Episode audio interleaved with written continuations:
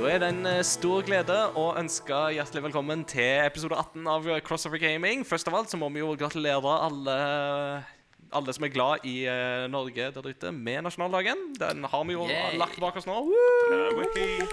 Hipp, hipp. Hadouken! Hadouken! Så vi håper ja at dere har eh, spist dere glade og fornøyde på hotdogs og pølser og Ja, det er jo samme greia, egentlig. Um, hotdogs og is og hva dere enn måtte ha som 17. mai-tradisjon. Så Hotdog, pølser og korv. Og korv. Ja, ok, da, da har vi på en måte dekka hele spekteret. Det er helt Ja. sant. Hjertelig velkommen til dagens episode. Jeg heter Ingar Takanobu Hauge og er programleder. Med meg her i studio så har jeg Kristian Bjotveit Fonneland. Med oss i Kristiansand så har vi Mats Jakob Nesmann. Og med oss i studio i dag så har vi fått med oss en eh, aldri så liten gjest. Hjertelig velkommen. Du kan få lov å presentere deg sjøl. Arwa namaiwa Martin Herfjordusan. Herfjordsan. Ah. Herr Martin Herfjord, velkommen. takk, takk, takk, takk. Hjertelig velkommen. Du er jo en av våre første og mest trofaste lyttere. Flink på å kommentere og alt. Så. Stor fan. stor fan. Ja, ja. som en stor fan som får se sine fotballidol eh, live eh, her eh, Absolutt. Og hvis du tenker, Det er jo, det er jo vakkert, eh, og- men det er jo ikke første gangen vi ruller og går i lag som et team. Det er jo en aldri så liten nesten en reunion dette her av eh, vårt Yes. gamle quizlag eh, Masterballs fra, Ja. Master Balls. fra spillquizen på Tilt. Så. Ja. Speaking of Masterballs, så er jo Detektiv Pikachu er jo ute nå. Har dere fått sett den? Yeah. Nei. Nei, dessverre. Ingen av dere som har sett den? Ah, det Jeg gleder okay, meg. det er greit. Det er greit. Dere kan bare glede dere. Det er gøy for eh, store og små. Yes. Eh, litt svake partier her og der, sånn rent filmatisk sett. What? men I en er sånn- Pokémon-film? Ja, tenk det. Speaking of svake parti. Martin, du må introdusere deg sjøl litt tynnere.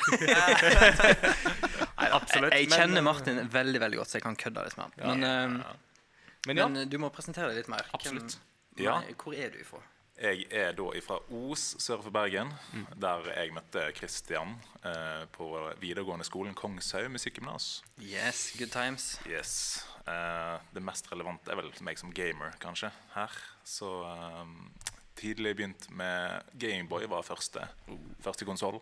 Gamebox. Gameboy. Gamebox, ja. yes, den der svart-hvitt gule boksen. Eh, når jeg til slutt fikk lånt Pokémon hemmelig fra en i klassen, eh, da, var det, da var det all in gaming, altså. Nice. Og så var det PlayStation, GameCube og ja, stort sett det. Ellers så nå bor jeg i Oslo, jobber i kulturskolen med å undervise i gitar og piano. Ja, Så det er jo Yeah. musikk det går i. ikke sant? Ja, og det gjør det jo for eh, Kristian her òg. Og Mm. da må vi jo nevne en liten sånn eh, festlig kuriositet. fordi at eh, dere to har jo jamma i lag til å lage noen tunes som veldig mange spillinteresserte podkastlyttere hører hver uke. Ja. Det, vi har lagd jingler til Level Up, ja. Ja. Hvis navn skal nevnes. Ja, det, det, det blir denne gangen vi nevner, Ja, ja, nevner ha en liten uh, gratisreklame for Level Up. Ja. Eh, Yes. Venter fortsatt på Tono-inntektene som skal gjøre oss rike. Ja. Så hver gang folk hører på uh, Level Up og hører nyhetsjinglen, som jo er den tøffeste nyhetsjinglen i manns minne, så er det dere som står bak. Yes. Den, den gir meg veldig sånn der bare Egil-band-vibber. Eller, eller ikke bare Egil-band, men litt sånn Black Debatt. Black Ja. Black Ja. Debatt tenker jeg veldig på når jeg hører Det er litt sånn sint, hissig, humoristisk rock. Ja, Eller forsøk på humor, i hvert fall. ikke sant? Det er det. The magic happens in studio.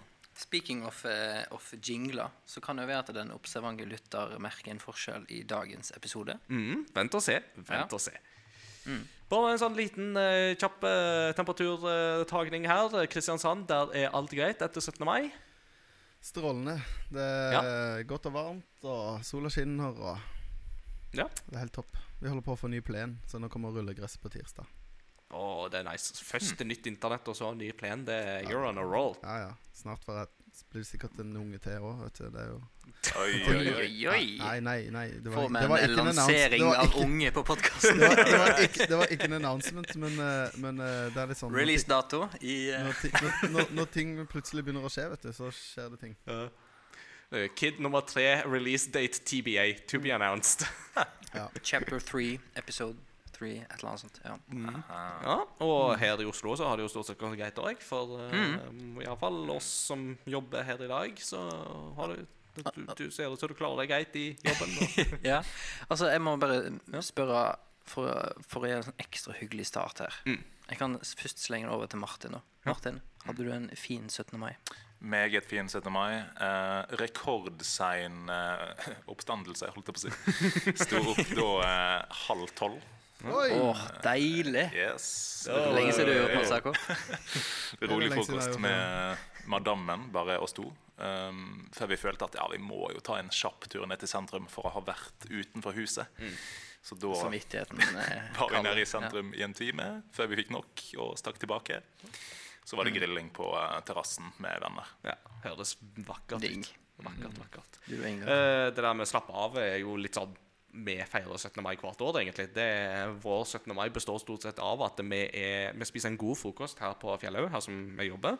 Eh, og så bare tusler vi hjem. Og så er vi egentlig hjemme hele dagen. For at vi orker ikke å befinne oss i sentrum med så mye Altså, jeg pleier å si litt det at eh, enhver flokk av nordmenn som er mer enn fem stykk, klarer ikke å Altså, de blir helt desorientert. Altså, de vet ikke hvordan de skal på en måte oppføre seg i en mengde. Altså, Nå er det jo japanerne i meg som snakker, ikke sant? men det er liksom noe crowd control fins ikke. Uh, så, Chaos. så, så, så, da, så det å befinne seg i Oslo sentrum på 17. mai, det frister rett og slett ikke. altså. Så vi er egentlig hjemme hele dagen, og så på kvelden så inviterer vi og åpner vi dørene.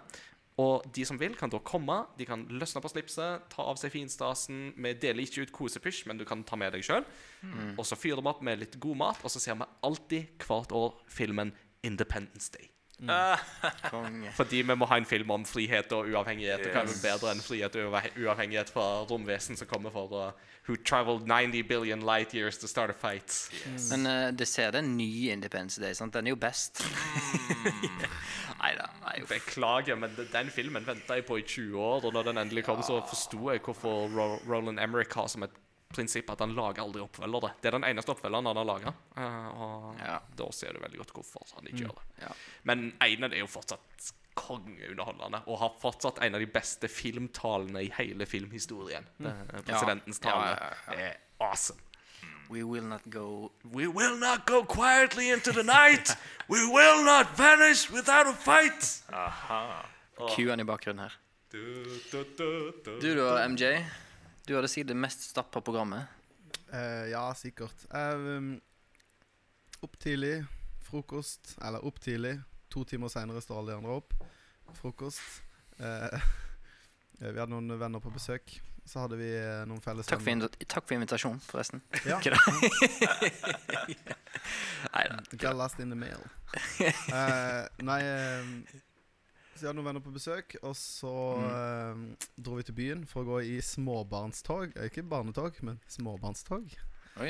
Eh, som er da et sånt, Under kategori. ja, sånn ekstratog som er, er liksom 500 meter langt. Som er for bitte, bitte små, som ikke kan gå i skoletog. Mm. Så det var veldig koselig. Spiste vi is, dro hjem, chilla. Så fikk vi besøk av noen eh, fellesvenner av oss, Kristian. Christian. Eh, Ja, Som var her i helga. Og så kos. grilla vi og Grill og chill, som det heter så fint. Grill og chill. Det var helt topp. Ja. Så det var, det var my Utendørsversjon av Netflix og chill. Mm. Ja. Veldig viktig. Mm. Not affiliated with. Not to be mistaken with. Yes. Neida, så det var, det var veldig kos og mye program, men det er litt sånn my, Eller mye program. Det skjedde noe hele tida. Mm. Men allikevel hyggelig og gøy. Så er det jo gøy med Ja. barn. på siden. De syns jo det er stas. De blir jo proppa fulle av is og pølser. Og, Mm. Det er liksom litt sånn med jul og 17. mai, tenker jeg. Det er litt for kidsa. Mest, ikke sant? Altså, det er da det er kjekkest for kidsa. Mm. Ja. Og Kristian uh, spiller ballen til deg helt til slutt, så har vi Ja. tatt runden. Det, Vi hadde jo en lik start. Ja, det var min eh, første 17. mai-feiring som starta på Fjellhaug. Så han starta jo litt uh, heftig med at jeg var oppe kvart over seks. For jeg skulle få med meg den her flaggheisingen. Som, og tog på skolen, som var veldig koselig. Og så var det frokost her. Og så hadde ikke vi heller noen planer før på ettermiddagen. Så jeg kom hjem klokka var ti. All, allerede hatt 17. mai-frokost og egentlig en feiring òg. Så da tok jeg av meg dressen igjen. Eh, og det var jo varmt ute, så jeg la meg på min solrike terrasse i bokser og hørte på The Wheel of Time.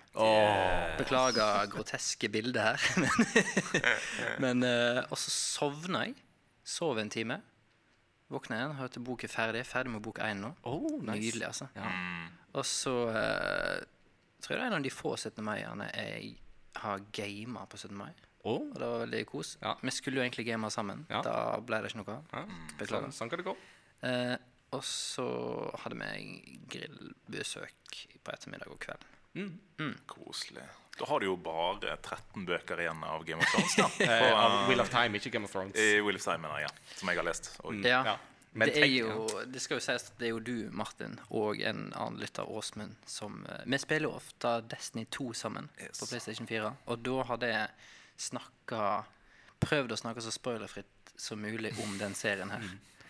Ha- Kunne nerda ut, men ikke spoila ting for meg i samme chat. Jeg, jeg er veldig på. spent på TV-serien, hvordan Ja. den blir. da Ja. det, jeg har, det, det kan gå alle veier. Men jeg er Yes. kjempespent på Game of Nei, på Nå så blir det en plan, jeg òg. Jeg er kjempespent på Wheel of Time Game Time. of når det blir eh, TV-serie. Uh, jeg leste jo de elleve første bøkene da jeg gikk på videregående. For det var Ja. det som var kommet ut. Og så da både 12, 13 og 14 kom ut, så hadde jeg ikke tid midt i studiet og sånt. Så nå holder jeg på med bøkene på nytt. Eh, så nå har jeg begynt på bok 11. Ja. Eh, Og når jeg da er ferdig med den, så skal jeg jo begynne på tre bøker jeg aldri har lest. Yes. Så det blir Ja, det var litt samme historie sammen med meg. Bare jeg tok de opp på lydbok i fjor. Ja, nice. nice, nice, nice. Må for si Den beste 17. mai jeg har hatt, var for to år siden i Os. Okay. Da var det meg, min bror og en venn av meg. Da bare møttes vi, tok en sein frokost, og så var det LAN hele dagen. Ja, det er sånn det skal og være. Det det som var så fett, var at det streama det her på Facebook. Når alle var ute i solen og svetta. Ja, ja, mange timer det. Yes. Da gikk det i WoW Classic, faktisk. Vanilla. Åh, good times. Ja, Speaking of which, skal vi ta litt uh, nyheter Ja. da? Um, for der fikk jeg en fin Segway. Fordi at uh, WoW, um, en ny expansion packen Battle for Azeroth, har jo fått en uh, fin eh, ny cinematisk trailer. Eh, Ja, har den var dere, veldig fin. Ja, har dere sett den? Ja, Den ser veldig lovende ut. Selv for meg som ikke gamer WoW, så er det en gammel Safe WoW. haven. Ja, så er det jo en gammel um, Gammel kjenning som dukker opp igjen, så det er jo veldig Det, gøy. det er veldig kult at de De har jo av og til gjort sånn Sjøl midt i en expansion så har de kommet med store patcher. Og da har de lansert litt sånn forskjellige cutscenes, men ofte vært in game. Men det her er vel første gangen de lenge etter en expansion lanserer en full-blown CGI-film. Eller de har gjort, de har gjort Ja. flere i, i den expansion her Mm, ja. etter release. Ja, stemmer det. For at dette er jo tendens allerede ute, ikke for å tease det Ja, som kommer. ja. Så det er jo um, absolutt eh, Ja, det er jo sant, det. da Veldig kult, altså. jeg, jeg drømmer om den dagen Blizzard lager Altså bare lager et eget animasjonsstudio. Og, bare, Ja, og en Ja. film. og en film. Altså at eh, de sjøl får lage både Overwatch-film og Warcraft-film.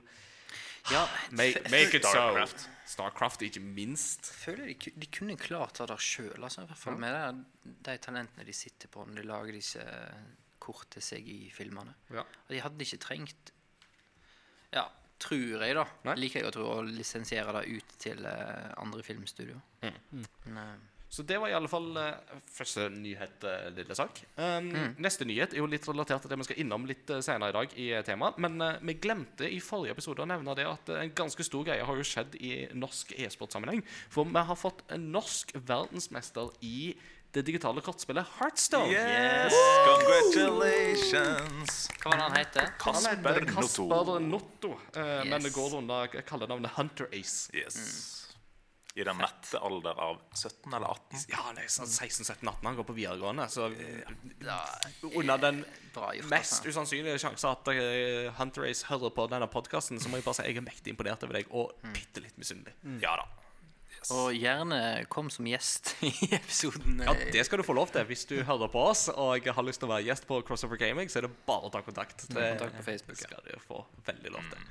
Eh, så det er kjempeimponerende, folkens. Det er Heartstone er stort, og uh, innafor både sånn holdt på å si, spillerantallmessig, men òg innafor e-sportsammenheng, så skjønner jeg jo at det er ganske ganske stor greie. Så det er ikke lite, det. Det, Det er no, liksom det største vi har gjort siden Snute utmerka seg på Starcraft 2-fronten. Ja, nesten større. Snute var vel aldri verdensmester. Nei, det var han vel kanskje ikke, men han, eh, han, han vant jo litt forskjellige ting. Men han ble vel aldri verdensmester. Så det, det er nok riktig. For det er, Det er jo 100 millioner spillere av Heartstone pluss. Ja. Så desto mer imponerende. Gratulerer med det. Mm. Uh, Detektiv Pikachu har jeg jo nevnt, uh, så den er jo bare å gå og se. Så det er jo gøy. Final Fantasy 7-remaken har jo blitt eh, vist lite grann. Eh, han har fått sett lite grann og fått et livstegn. Eh, har dere sett eh, Har du, Mats Jakob, sett eh, den eh, traileren?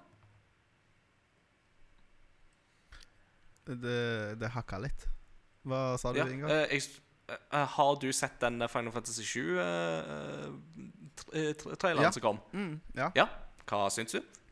Eh, jeg syns det ser bra ut, men, men eh, jeg syns det liksom Jeg liker ikke den endringa av gameplayet, da. Det er liksom det Det, det, Nei. det som står med meg. Men eh, jeg syns Mm. det, det er veldig gøy å se Se spillet se ut sånn som man på en måte forestilte seg det når man Mm. var 10-12 år. Så hva jeg mener. ikke sånn Eh, der, eh, ikke sånn der diamantforma biceps og sånn. Nei, det, det er jo med, med det sagt så ser jo Barrett fortsatt litt sånn uh, spesiell ut, da. Så det er jo Ja. Men uh, det blir jo spennende å se. Um, jeg tror det kan bli bra, men jeg er fortsatt litt sånn i tvil om det der episodeformatet som de skal bruke på det. det Ja. Så det syns jeg er litt synd. Um, Minecraft fyller ti år. Wow. Det er neste nyhet. Det er ganske imponerende at Minecraft har vært med oss så lenge.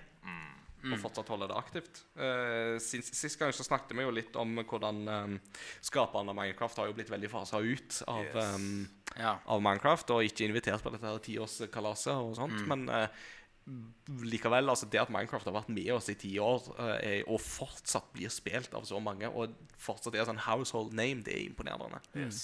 Er det noen av oss her som har brukt betydelig tid i Minecraft-universet? Nope. Nei. Nei? Men jeg husker Nei, men eh, Jeg hadde noen venner som spilte det før det kom, på, altså når det var veldig beta eller alfa. Så jeg husker jo det Når det, når det var hipster å spille? Ja, ja, når det var sånn Dette er et nytt spill som en fyr har lagd, på en måte. mm. Hvor du bygger. Jeg Mm. skjønte ingen, Det var en fyr som hadde lagd et monopolspill. Fungerende monopolspill. Mm. Det er Ikke sant? Nei, så Og det med De, de skal vel òg gi ut eh, noe sånn Minecraft eh, Litt sånn eh, Minecraft Go-lignende opplegg. Ok. eh, har, mener jeg å ha lest. Ja, det stemmer. Minecraft Earth kalte de det, tror jeg. Minecraft Earth er det vel det heter, ja. Hmm. som basically da er sånn Minecraft på mobilen med sånn AR-integrasjon. Microsoft har jo vært veldig flinke til å både gjengi content eh, til Minecraft etter de kjøpte det opp, men òg på det tekniske. Det siste der nå er jo altså Raytracing er jo en teknologi som eh, kommer med disse nye Nvidia-kortene, RTX-serien. Og raytracing har de nå eh, satt inn i Minecraft. Så du har liksom den, der, den blokkete grafikken, men, men med hyperrealistisk lyssetting. og refleksjoner som bare sånn her ah, det er mm. Det, det var jo det jeg drømte om da jeg så raytracing for første gang. Det var å spille Minecraft med, raytracing. Ja, det HD er Lego. dårlig, dårlig ressursbruk, spør du meg. At du kan se en sånn creeper rundt hjørnet i refleksjonene i blokkene. Men, men det er jo litt gøy, for at du nevnte jo dette her med hyperrealistisk Lego. Så, altså, Minecraft er jo i praksis Lego, ikke sant? Så Derfor syns jeg at det mest absurde er jo da de ga ut Minecraft-Lego. Ja. en meta. Det er meta. Det er meta, og så utrolig Det var det IRL Minecraft. Ja, rett og slett. Men det er sånn Ja, men vi har allerede Minecraft-Lego. Det heter bare Lego. Eh, så der har du det. Um, borte hos eh, Riot Games så går det jo, er det jo litt sånn spennende om dagen. Eh, Riot Games er jo de som lager League of Legends, og i høst så kommer jo fram en del en, en ganske dyptgående reportasje hos Kotaku om uh, seksuell trakassering uh, og en del altså, macho-ukultur i studioet. Um, siden den gang så har jo ballen rulla godt. Um, Riot har liksom ikke helt klart å følge den opp uh, på en måte som de ansatte er fornøyde med. Uh, og søksmål prøver de å, å stoppe med sånne kontraktsklausuler om at ja, men du har egentlig sagt fra deg retten til å saksøke oss, så du får ikke lov til det. Så de har jo hatt en sånn walkout, som det heter, uh, hos Riot. Som vil si at midt i arbeidstida så går alle de ansatte ut, og så har de en sånn samling ute der de demonstrerer. Eller Eller det liksom har en markering. Eh, så den eh, ballen fortsatte å surre og gå. Eh, men eh, det Kotaku mente at dette var den første walkouten i spillindustriens historie. Starten på eh, organisering, kanskje? La oss inderlig håpe det, altså. For det er Det er jo en uting, dette her. Ikke sant? At det, det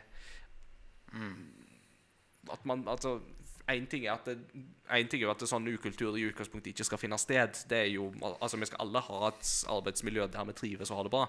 Uh, men så er det jo òg bare dette konseptet med at hvis de ansatte ikke har det bra, så skal det jo være lov å si ifra. Og hvis de sier ifra, så skal de ikke bli møtt med at uh, Nei, du får ikke lov å ta de, de stegene du egentlig har retten på å ta. Uh, så det, det er jo sånn, sånn konstant følelse av å bli motarbeida, Ja. som ikke er så veldig gustig. Og en ting som også var litt sånn eh, eh, merkelig med hele greia, var at de, de i ledelsen de, For det første så kaller de jo ar arbeidstakerne hos Riot Game for rioters. Mm. Eh, som i seg selv blir jo da ironisk. Men eh, Men uh, de gikk jo ut og offentlig og støtta den walkouten. Mm. Ja, det gjorde de. og sa liksom Ja, vi støtter dere, og at dere kan ta en walkout. Som er sånn der eh, corporate eh, forsøk på å liksom avvæpne, avvæpne den walkouten, da. Med å si at ja, mm. vi Mm. støtter det egentlig. Vi syns det er helt greit at dere Mm. gjør det. Eh, som Mm, Bare vi er sånn ikke så mye med det. Ja, det blir, Mm. ja, det, det blir sånn Ja, akkurat som Ja, det er sånn strategisk spill istedenfor å på en måte Ja. høre på hva de faktisk har å si. da Men eh, de hadde jo også snakka om at eh, Om at de skulle endre kontraktene til at uh, seksuell trakasseringssøksmål ikke var en del av den klausulen om at du ikke kan saksøke de Mm. eh, er før etter noen det, det, det er ikke sånn for alltid. Det er etter liksom noen år. Men uh, veldig få jobber jo veldig lenge i sånne spillselskap. Det er jo Nei, det det er er ganske det. high turnover på, på utviklere. Mm, det er jo det. Og det kom, ja, og det kommer jo av ganske tøffe arbeidsvilkår og mye Mm. crunch og en del av disse tingene her. Og det er jo klart at um, en viss eh, del kan man jo ikke komme seg unna, ikke sant? men jeg tror jo det at dette er jo enda et steg i den der mm. bevegelsen som vi ser om fagorganisering eh, i Ja, spillindustrien i USA. Og det håper jeg jo egentlig veldig på at de, de gjør. Fordi Ja. at eh, det, er jo, det er jo noe vi i Norge eh, er egentlig veldig privilegerte med. ikke sant? Med at vi har jo en arbeidsbevegelse som har stått veldig sterkt. Så vi har jo opparbeidet oss et hav av rettigheter eh, som en del andre land bare kan drømme om. Ja, det gjør oss dyrere i drift, men eh, det er noe med at vi blir ivaretatt som arbeidere. Og det mm. syns jeg at eh, folk i spillindustrien òg bør kunne på en måte få når de legger ned så mye arbeid. Ja. Det er jo litt sånn at metoo kommer inn i spillbransjen òg. Mm, det er jo og det. Ja. når det er såpass skeiv kjønnsfordeling Mm. i forhold til andre yrker, så tar det kanskje litt lengre tid før man får liksom Ja. kommet Og det er jo det som er en positiv effekt av metoo, er jo det at du ser nå at selv i machotunge kulturer, som f.eks. i spillindustrien og sånn som Riot Games, der du har vel en 80-20-balanse tror jeg, når det gjelder kjønn, selv der klarer de på en måte endelig på en måte å tørre å stå fram og legge, kaste lys over mm, dårlige arbeidsvilkår. Så det er Men det, det er jo en av grunnene til at du, at du ikke får, eller før har fått, en sånn her eh, rask nok og god nok utvikling på, på eh, fagorganisering og sånt, er jo det som du, Mats Jakob, sa, at folk jobber ikke så lenge i et spillselskap. Og da vil du alltid ha så mange nyansatte, og de har jo ikke erfart det her ennå. Og når de liksom nærmer seg at de har erfart de negative sidene, så slutter de. Mm. Eller starter et nytt selskap. Så at du, du overlever som som corporate overlord, så overlever du på at uh, det de alltid bare er så nye, unge og uerfarne, da. Mm. Og tar alt det du sier, for god fisk. på en. Speaking of corporate overlords, så er jo neste sak eh, er veldig relevant, eh, siden den handler om Activision. eh, som jo har den største corporate overlorden av de alle, Bobby. Gode gamle Bobby. Eh, men eh, det har jo nå kommet eh, nyheter om at eh, Call of Duty-spillet som skulle komme i 2020, er kansellert. Og at spillet i Call of Duty-serien som skulle komme i 2021, må framskyndes et år. Oh. Så det påvirker da ikke Call of Duty som kommer i år, men det som skulle komme til neste år. Eh, Der er det visst litt uh, ting som skjer akkurat nå. Ryktene sier jo da at det er en Black Ops 5 eller noe sånt som jo da plutselig vil bli framskynda. Da Lykke til med det, tenker jeg. Ja, altså der har det, det er jo ikke så gunstig for Treyarch, som eh, nå plutselig får ett år mindre å jobbe med mm. det spillet de skulle jobbe med. Uh, til for siden Sledgehammer og Raven plutselig ble på en måte skjøvet ut i vinden. Uh. Kan, Mm, blir det det nye Anthem? Eh, Det er jo en viss fare for dette anthem-problemet. altså. Det er det jo. teori. Ja. Jeg tror kanskje det kan henge sammen med ny konsollgenerasjon, og at de ikke visste det tidlig nok. Og når du plutselig får dato, så tenker de når den nye konsollgenerasjonen er ute, så kan ikke vi lansere hovedserien vår kun på de gamle maskinene. Kanskje det er et eller annet sånt. Jeg vet ikke. Kanskje. Kanskje. Det kan hende. I don't know. Er det noen av oss som egentlig er noen store Call of Duty-spillere? Um, Modern Warfare og Modern Warfare 2 Ja, ja. satte jeg selvfølgelig veldig høyt, men uh, veldig lite sider av de to, egentlig. Mm. Samme her. Mm. Spilt eh, sikkert 300 timer couch co-op i Modern Warfare 2 når jeg flytta til Oslo. Ja, det er Spec Ops-greiene.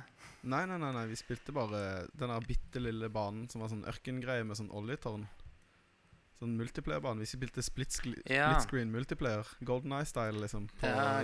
Modern Warfare 2. Og det var så sykt gøy. Bare kniver og sånn. Det er herlig, fy søren. Oh, Så utrolig Nice. For det som var så kult der, var at du, Friendship Ruined. Ja, nei, ja, men jeg har liksom tror, vet, Det kan godt hende det har vært siden, men det som var gøy da, var at du kunne la Du levela multiplayer-karakteren din. Så jeg lagde en karakter på min kompis sin Xbox, som jeg levela. Og vi var jo oppe i level 80 something når vi Mm. ga oss, liksom. Mm. Mm. Så det var veldig gøy, for at du får liksom progresjon selv om du bare sitter og spiller med kompiser. Så føler du du får nye våpen, og du får liksom bedre Ja. Mm. stats. da Nice. nice. Mm. Moving on til neste. Eh, en stor nyhet som vi jo ikke snakket om sist gang heller, det var jo at eh, før vi tok opp forrige episode, så kom jo traileren til Sonic-filmen ut. Oi. Har vi sett den filmtraileren? Yes. Ja. Ja. Hva syns vi, Mats Jakob, om den? Altså eh, Jeg syns jeg, jeg syns det var gøy, jeg. Altså, jeg, What? jeg, jeg bare elsker Jim Carrey. Og jeg syns at uh, Ja, taket på eh, Robotnik var kjempegøy. Og jeg ser for meg at han, han blir den som bærer den filmen. Ja, Sikkert litt sånn det- som det- Ryan Reynolds gjør i Detective Pikachu. At det er på en måte én person som er liksom utpreger seg veldig til å være bra. da Eh, Og så er jeg jo enig i det der designet med Sonic, men det der første designet vi fikk se, den, der, den lekte filmplakaten, det var jo, det var jo Ja, det var jo sånn der Grusomt. Ja, Please Kill Me-bilde, liksom. Sånn der eh, Den, den abomin- Det var liksom enda verre. Han så ut som Ja. Veldig muskuløse bein. Ja. Ja. Men det var liksom Jeg, så- jeg så Just på. Jeg så på Det er en uh, YouTuber som jeg syns er ekstremt morsom, som heter Video Game Donkey. Som, Ja, ja, ja. som uh, liksom snakka om den, og han bare Hva han sier for noe? For det var jo Når Sonic Forces kom på uh, Wii U, så var det sånn Folk Mm. klikka fordi at han hadde bandana rundt halsen og hadde blå armer. Og, og, og så han bare Can we please go back to that time? When we were mad about blue arms? så, sånn. Men eh, jeg syns det er utrolig fascinerende det her med den redesignen. At de liksom dagen etterpå traileren annonserer på Twitter at liksom Ja, OK, vi hører dere, vi skal redesigne Sonic. Og så ja. ja, ja, Og i Mm. ettertid så er det jo flere som jobber med CGI, som har gått ut og sagt at liksom Det er helt sinnssykt mye jobb. Det er ikke bare liksom Ja. Det er ikke et skin, liksom, Mm. som du bare Nei. endrer på. 90 minutter med animasjon. Ja. Ja, det er, Mm. ja, det er dødsmye jobb. Så det, Ja, det er jo kjempemasse jobb. eh, og så hørte jeg på en annen podkast Ja. hvor de spekulerte i at liksom, det kan umulig ha vært regissøren som har sagt jo, vi redesigner. At det må ha vært studioer som har sett all den backlashen som kom fra den traileren, Mm. og bare Vi er nødt for å gjøre noe, hvis ikke så flopper det her fullstendig. Det er vel Paramount som skal gi den ut, tror jeg. Så hvis det er en Ja. eh, corporate decision på det der, så er jo det Jo, men det som eier lisensen, er jo fortsatt Sega, ikke det? Det er det nok, men uh, jeg tenker, det være de som har sagt det. kan, Men da tenker jeg, da hadde de sagt noe før. jeg, kan, jeg kan ikke Ja, tro og Sega da har så mye makt i den saken heller. Nei, det tror ikke jeg heller. Hvis Altså. de eier lisensen, ja, de eier har jo de jo kanskje karakteren, liksom, men uh, ja. Kan de Jeg vil, kan jo ikke tro at, eh, at eh, et filmselskap ville la Og tenk på alle de filmene som er så annerledes fra boka eller tegneserien. Altså at de, de, på en måte Jo, men, men om de likevel på en måte i en eller annen prosess må få et go ifra de som eier lisensen til slutt, da. det kan, det kan jo ikke være etter traileren. måte Jeg, jeg, jeg, Nei, jeg har ikke peiling. Altså, da er det rart hvorfor de ikke hadde sagt det før. Nei, ja, eller sånn, Men, men eh, det kan godt hende at de har den makta, men jeg ser ikke for meg det. Jeg tror det her er sånn som kommer fra de som ser på tallene og tenker at vi putter litt mer Ja. penger i filmen for at kanskje flere går og ser den. Mm. Men det er liksom, for meg så er det jo det, og det å se Sonic-traileren og så sammenligner du med den første Detective Pikachu-traileren som jeg fikk, det er jo natt og dag, sitter jeg og føler. Jeg, altså, at det er, Mm. det er sånn Plutselig så er du tilbake igjen til sånn eh, gan, Ganske langt Altså noen ja, 10-15 år tilbake i tid, da før du liksom hadde noen spillbaserte filmer som var sånn noenlunde gode. Yes. Så du liksom tilbake på liksom den første Resident Evil-filmen, mm. eller Doom-nivået. Eller, Ja, Tomb Raider. eller, eller Tomb Raider, ja. For, Ja, de, eh, men det er skikkelig guilty pleasure for meg, da, de filmene. De er så ja, altså, jeg så faktisk uh, den første Tomb Raider-filmen eh, fordi at jeg har HBO Nordic akkurat nå, og der ligger de to første Tomb Raider-filmene med Angelina Jolie. Yes. Så jeg så den første, og det var bare sånn OK, dette er bra. Det er ikke så bra å gå tilbake til, men når, når han kom, så når du men, var ung, men, da var det men det gøyeste der er jo bare å se at uh, Angelina Jolie og John Voight spiller far og datter. For det er jo far og datter. Ja, stemmer. Så det er en sånn liten ting. Og så har du noen sånne Game of Thrones-skuespillere som er, er 15 år yngre. Og Daniel Craig spiller jo der. Ja. Det er sånn. han, ja. Før han ble kjent som James Bond. Så det er jo så sært. Er det en sånn film som bærer preg av at det var før metoo? Det bærer iallfall veldig preg av at Angelina Jolie har ikke på seg sports-BH når hun springer. Nei. Nei nettopp. Eh, Ja. så det hadde hun nok hatt i dag, for å si det Ja. sånn. Jeg synes det er veldig fascinerende. Ja, men det jeg, bare, jeg syns det er så gøy med sånn ska skattejaktfilmer. Mine, altså, Det er det jo. de, den filmen jeg ser flest ganger i året, er National Treasure. For det at jeg bare syns det er så ja. utrolig Det er, De trykker på en sånn utrolig knapp Mm. I meg. Den der skattejakt-eventyrgreia. Så Ja, ja. Og Alle sånne jeg filmer det sluker jeg rått, uansett hvor cheesy og metoo-ete de er. Så, Mm. så er det liksom det, er, det er absolutt en underholdningsverdi. Det har det. Så. Det var vel eh, Ja, en kan jo si hva en vil, men det var i hvert fall tru til hvordan spillserien var fram til da. Det, det er sant. Ja. Det er var, sant. det var jo før den uh, Ja remaken, Ja da. rebooten. Ja. Så det er sant. Jeg Eh, syns det er veldig interessant det her bare med at det er sånn power to the players. Eller power til internett. Når fansen kan ha såpass stor påvirkning før filmen er gitt ut. Ja. At regissøren går og sier OK, vi forandrer hele animasjonsdesignet, liksom. Ja, Det, du, du har ikke sett det tidligere i den Nei, skalaen? det der. Nei. er ganske og så kan du på en måte tenke at ja, det er fascinerende, men er det egentlig bra? Ja. Altså i det lange løp. Mm, det er jo for det er jo ikke alltid internett har rett. Nei, men og det er jo et et tvegersverd, dette her. sant? Ja, men er- uh, Nettopp. det var jo veldig unanimous, da. Det, det var ikke veldig mange som gikk ut på Twitter og sa åh, det er akkurat sånn jeg har sett for meg at Sonic skal se ut.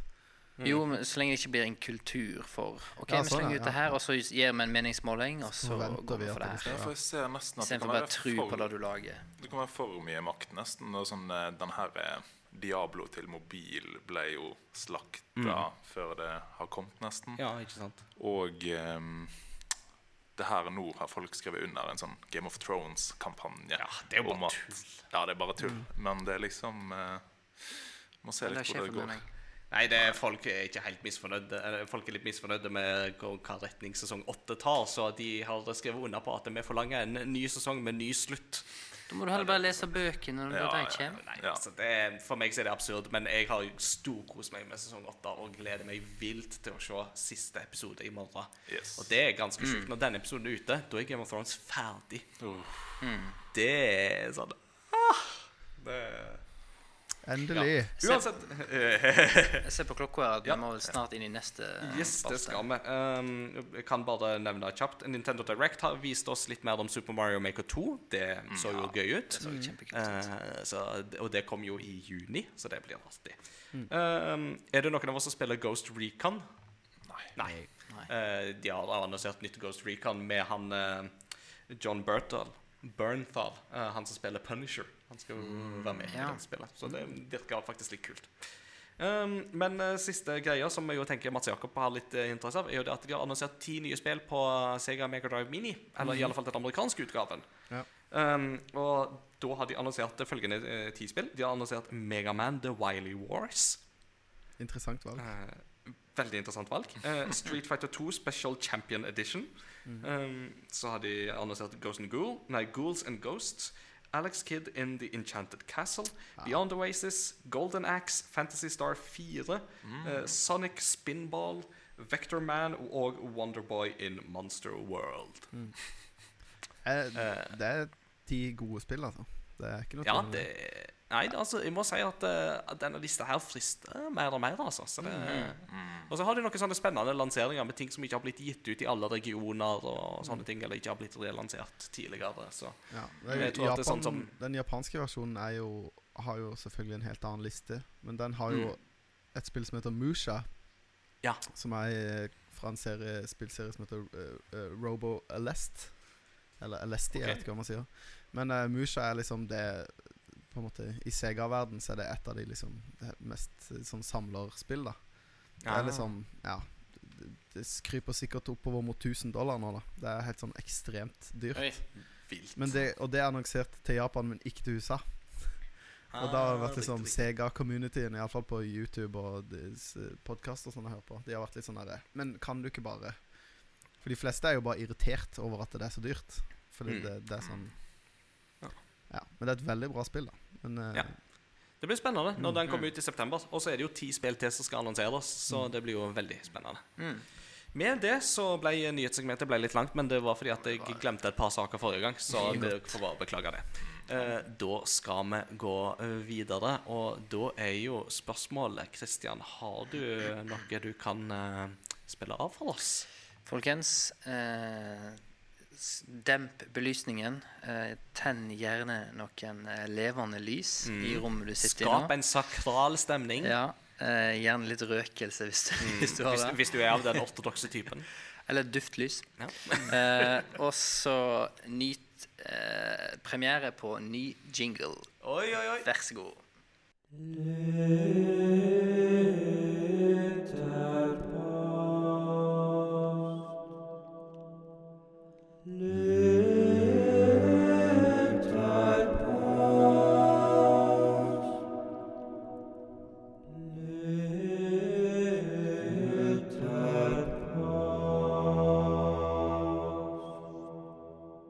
Yeah! Vakkert. Vakkert. nice. Nice. Der, eh, takk til deg, Kristian, for uh, mekking av eh, vår første jingle utenom eh, temasangen. Ja, det her eh, Det var gøy. Ja, det er jo helt fantastisk. Eh, more may come yet. Det er ikke gitt at denne er på en måte den endelige final edition, men eh, Nei, vi får se. Kanskje mm, den, eh, den introvignetten vår har jo endra seg litt fra de første episodene. Mm. Så eh, Ja. ja. kanskje. uansett, med det så skal vi da inn i lytterposten, eller lytterposten, som de sakrale av oss foretrekker å kalle det. Uh, og i anledning nasjonaldagen så spurte vi enkelt og greit om hva som er det, altså folks Hva er favoritt-norske spill til lytterne våre? Altså hva for et norsk spill er favoritten din? er vel en bedre måte å si det på. Eh, Vi kan jo begynne med deg, Mats Jakob. Eh, hvis du skal snakke om norske spill, hva vil du trekke fram som din favoritt? Ja, eh, det må jo bli Owlboy. Det var jo mitt Ja. eh, Det var jo på en av mine lister i fjor. Det var vel spill som var Det kom vel ikke ut i fjor, men eh, det kom på Switch i fjor, så derfor snakka jeg Ja. om det i den sammenhengen. Men jeg syns det var helt eh, topp. Kjempegøy. Mm, magisk. Trykka på Jeg, jeg har jo snakka masse om det før, men eh, det er uten tvil Owlboy for min del. Ja. Mm. Vår eh, gode gjest eh, Martin, eh, av norske spill, hva er din favoritt? Ja, jeg tenkte over det før i dag og kom egentlig frem til Jeg har ikke spilt så veldig mye norske spill. Det må liksom bli Flåklypa som eh, min store favoritt gjennom tidene. Og ikke minst Josefine og gjengen. som besto av en del fine minigames der òg. Altså. Ja. Du kunne ha sånn DJ-spill med han kule manne-Josefine. si. Han- med caps. Ja, han med caps. og uh, lærte meg litt sånn tidlig musikkredigeringsskills der. Så den dagen du mottar en Grammy, så skal du bare stå og I've dreamt of this day ever since I played Josephine and the gang. Oh my Also, special oh, thanks to this yellow rabbit. Uh, With the caps. I want to thank Ravn the Studio. Yes. Lovely game. Ja. eh. Det var litt sånn i vårt hjem at eh, aldersgrense ble tatt veldig på alvor. Mm. Men jeg og broren min Vi sørger for å få alle platinummedaljene på Flåklypa. Så det har jeg spilt opp og ned. Det er imponerende. si det Ja. sånn. Og det kommer jo i en ny utgave. Det jobber de jo med. Så Ja. det blir jo spennende. PC og Switch i alle fall. med det flåklypa med Ray Tracing. Som er det nye. Yes. Look at the lights, man. Kristian, uh, dine norske, favoritt-norske spill, hva, hva blir det? Ja, uh, jeg eh, satt og følte jeg måtte velge mellom Owlboy og eh, klassikeren ja, kan vi kalle det en klassiker nå. Age of Conan. Age of Conan. Og da blir da Flåklypa det blir Age of Conan. Og da snakker vi The Hyborian Age. Ja, altså, altså det her eh, MMO-en. Funcom sitt MMO-spill, Ja. ja. Og um, et veldig, veldig kult spill som er veldig kult de 20 første levelene til karakteren din. Og så kommer du på en måte ut av starterområdet, som tar ganske lang tid. Og da merker du bare Oi, det her var et tomt spill. Så de 20 første timene da, i det MMO-et her er kjempekjekt med veldig sånn ganske konsentrert og bra story. Um, ja. Og uh, veldig bra musikk. Nå husker jeg ikke hva han heter, han uh, komponisten. En norsk komponist. Nydelig musikk. Mm. Eh, Jeg lurer på om Helene Bøksle kanskje litt med. Og Seriøst? synger på soundtracket. eller ja. eller noe sånt. Hun var med live i hvert fall når vi hadde en konsert. Men eh, ja. Så jeg tror, det, jeg tror det er det jeg går for. Sånn. Mm. Men Det var kanskje første MMO-et som hadde en, en slags aktiv combat, husker jeg. At du Mm, du slår med å slå. Ja, du, du tepper vel hva retning eh, våpenet ditt skal slå. Og så må du tolke liksom, eh, bevegelsene og blokkeringen til motstanderen for å skjønne hva som er mest effektivt. Så Er det det bestselgende norske spillet gjennom tidene? Mer enn Among the Sleep, kanskje? eh, Nei, jeg tror faktisk at I hvert fall i nyere tid så tror jeg det er Conan Exiles. Ja. For da var, det var jo veldig populært en periode på Steam. Ja. Men eh, ja. Uh, fun fact, det var uh, han som har lagd musikken, det var sønnen til naturfagslæreren min. Da kjenner jo du han, og da er det naturlig at du spør han om å være gjest i podkasten. Ingen måte. Nei, Han blir sikkert veldig inspirert av deg. ja, ja, ja. Naturfaglæreren min ble inspirert av meg, som han fortalte om meg til sønnen sin. Ja. Nei, han, Jeg husker bare han fortalte at han hadde en sønn som var musiker. Han jobba som naturfagslærer på musikklinja. ja. Så sa han at eh, han hadde lagd musikken til Eller var komponist.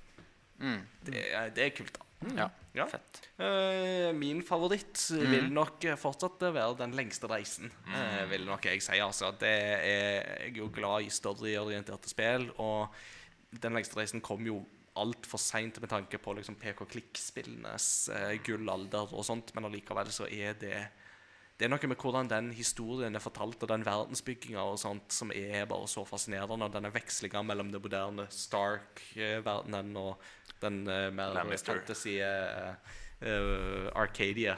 Mm. Mm. Så Det har en veldig dedikert fanbase over verden, egentlig. Det har det, altså. Så det, er- og det, det er no, for, for, for meg så var det liksom starten på et sånn varmt og godt forhold til den spillserien, da, som dessverre ikke på en måte ble helt forløst med Drømmefall-kapitler. Så jeg følte jo ikke helt at det klarte å på en måte innfri det. Men um, jeg, eh, en av de kule tingene jeg har gjort i Game Rector-karrieren min, er jo at jeg besøkte Funcom da de lager, eh, holdt på med The Secret World, um, som er et annet MMO de har laga. og da fikk jeg jo intervjua Ragnar Tørnquist. Ja, uh. Mannen som jo har skrevet eh, historien bak den lengste reisen, og som er en eh, sånn primus motor for Og han kommer og nå for Red Thread Og Games. det kommer snart med nytt spill. Ja, så det, mm. så det, var, det var en wholesome experience, altså. Det var veldig Spilte du det sjøl? Secret World? Ja, jeg fikk testa det da, før det var kommet ut og greier. og sånt, Så prøvde vi oss på en sånn eh, PVE-område og sånt. Jeg husker vi skulle slåss mot eh, Draugen, tror jeg det var. Eh, og jeg var, den, jeg var den siste igjen av alle i i testpanelet. For jeg hadde alle de andre daua, så klarte vi ikke å gjenopplive hverandre. Så til slutt var det bare jeg igjen og sperma, sperma, sperma. Jeg tror Draugen hadde 50 HP igjen da jeg daua. Sånn, eh, Traumene. Ja, ikke så sant.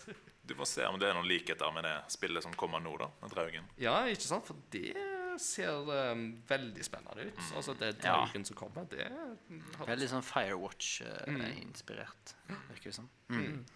Skal vi ta noen uh, lytterinnspill, da? Spurt med deg, Mats Jakob? Ja. Ja. Han sa Owlboy. Da sa du, ja. Vi begynte jo med deg, det stemmer. Liten uh, Datt hjernecellene mine ut bitte litt. Yeah. Yes. Eh, vi, vi må jo gjøre det såpass meta her at eh, Martin leser sin egen kommentar.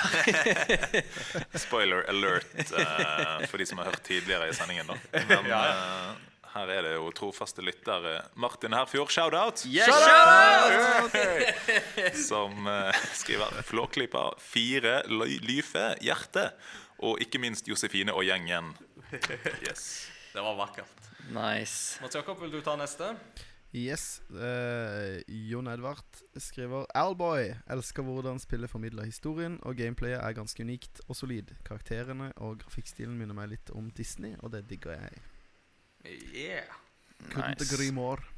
Mm. Kristian, vil du ta neste? Ja, jeg tror ikke jeg skal prøve på trønder-Peter her, men uh, jeg tar Susanne Berge. Ja. Pode, helt klart. Eller Pod. En, pode. En fantastisk feiring av norsk kultur uten å være overtydelig. Samt at hovedfigurene er totes adorbs, og historien, budskapet, er skikkelig fint. Mm, det. Po- Pode var et sånn fint, holdsom spill som kom ut i fjor. eh, Som jeg, jeg likte det veldig godt. Og det har jo musikk av Austin Wintory, som jo komponerte musikken til Journey. Ja. Det er vakker musikk. Og Absu og en del Kvalitet. Ja, og Banner Saga. Så han er jo meget, meget dyktig. Banner Saga er fantastisk. Og det som er jo så gøy, er jo det at uh, du merker veldig tydelig den inspirasjonen til norsk kultur i musikken òg, for mm. Hardingfela ligger veldig tydelig oppe Kult. i melodiføringa på Pode-temaet. Stilig. Så det er kjempebra. Ligger på Spotify, anbefales. Mm. Eh, da er det vel kanskje min tur, da. Så må jeg bare prøve å finne et som ikke er blitt lest. Da kan jeg ta Peter sitt svar. Uh, favoritten er definitivt Flåklypa. Musikken, stemningen og den lette humoren som de putter inn i spillet, var magisk. Og så må jeg si at Battlefield oppdraget Nordlys eh, Det er jo ikke et norsk spill, men norske stemmer og det foregår i Norge, var en fin opplevelse.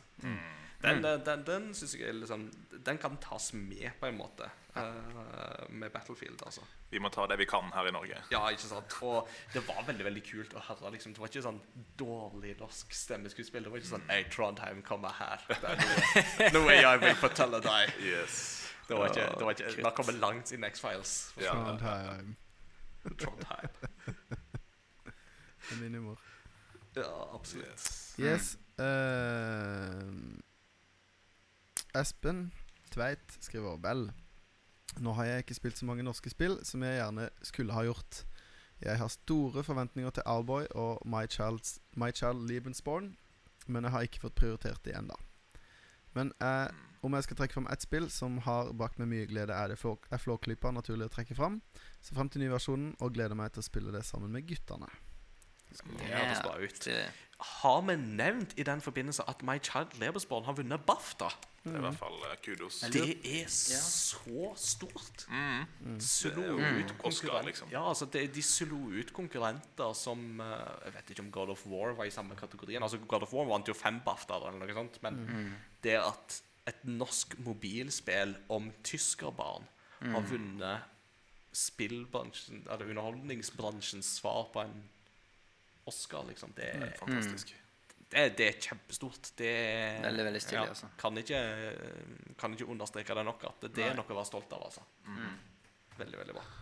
Skal jeg ta og lese en her? Ja, det kan vi gjøre. Fra trofast lytter Åsmund Solsvik. Åsmund! Shout out. Fellas Destiny-gamer. Yes. Yeah. Har egentlig bare spilt Owlboy og Among the Sleep. Tror jeg liker Owlboy best, selv om jeg ikke har gjennomført det.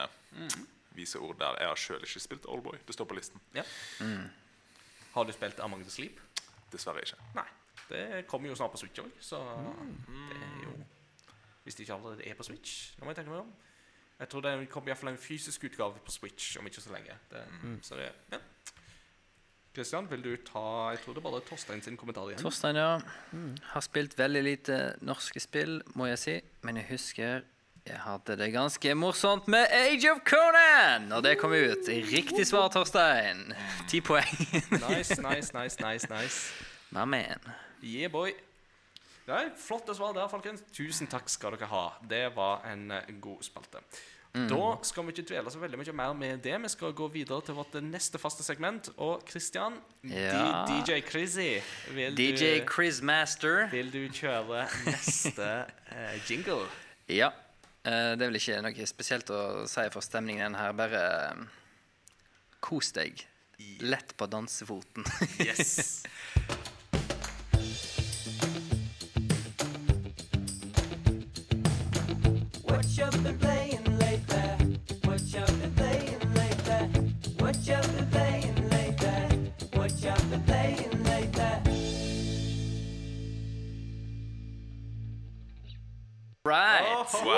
right, all right, all right, all right, all right. Shake it like a panda, right Den, picture. den er jo litt inspirert av den ene jinglen vår, Martin, til Level Up. Ja, altså, jeg, jeg lurte jo på Var den ikke for lik, men det var jo da vi ble enige om at du kan jo tross alt ikke saksøke deg sjøl på plagiat. Så Jo, men, men da tenkte jeg jo, hvorfor ikke? For, at, for at det er jo Level Up sin podkast, så hvis, da, hvis vi vinner saken, og de må betale oss, på en måte Nei, det blir jo den egentlig- først.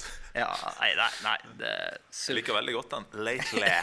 Det er sånn Oasis-vibes eh, på den. altså. Ja, det er litt britisk eh, Brittpop der, altså. Ja.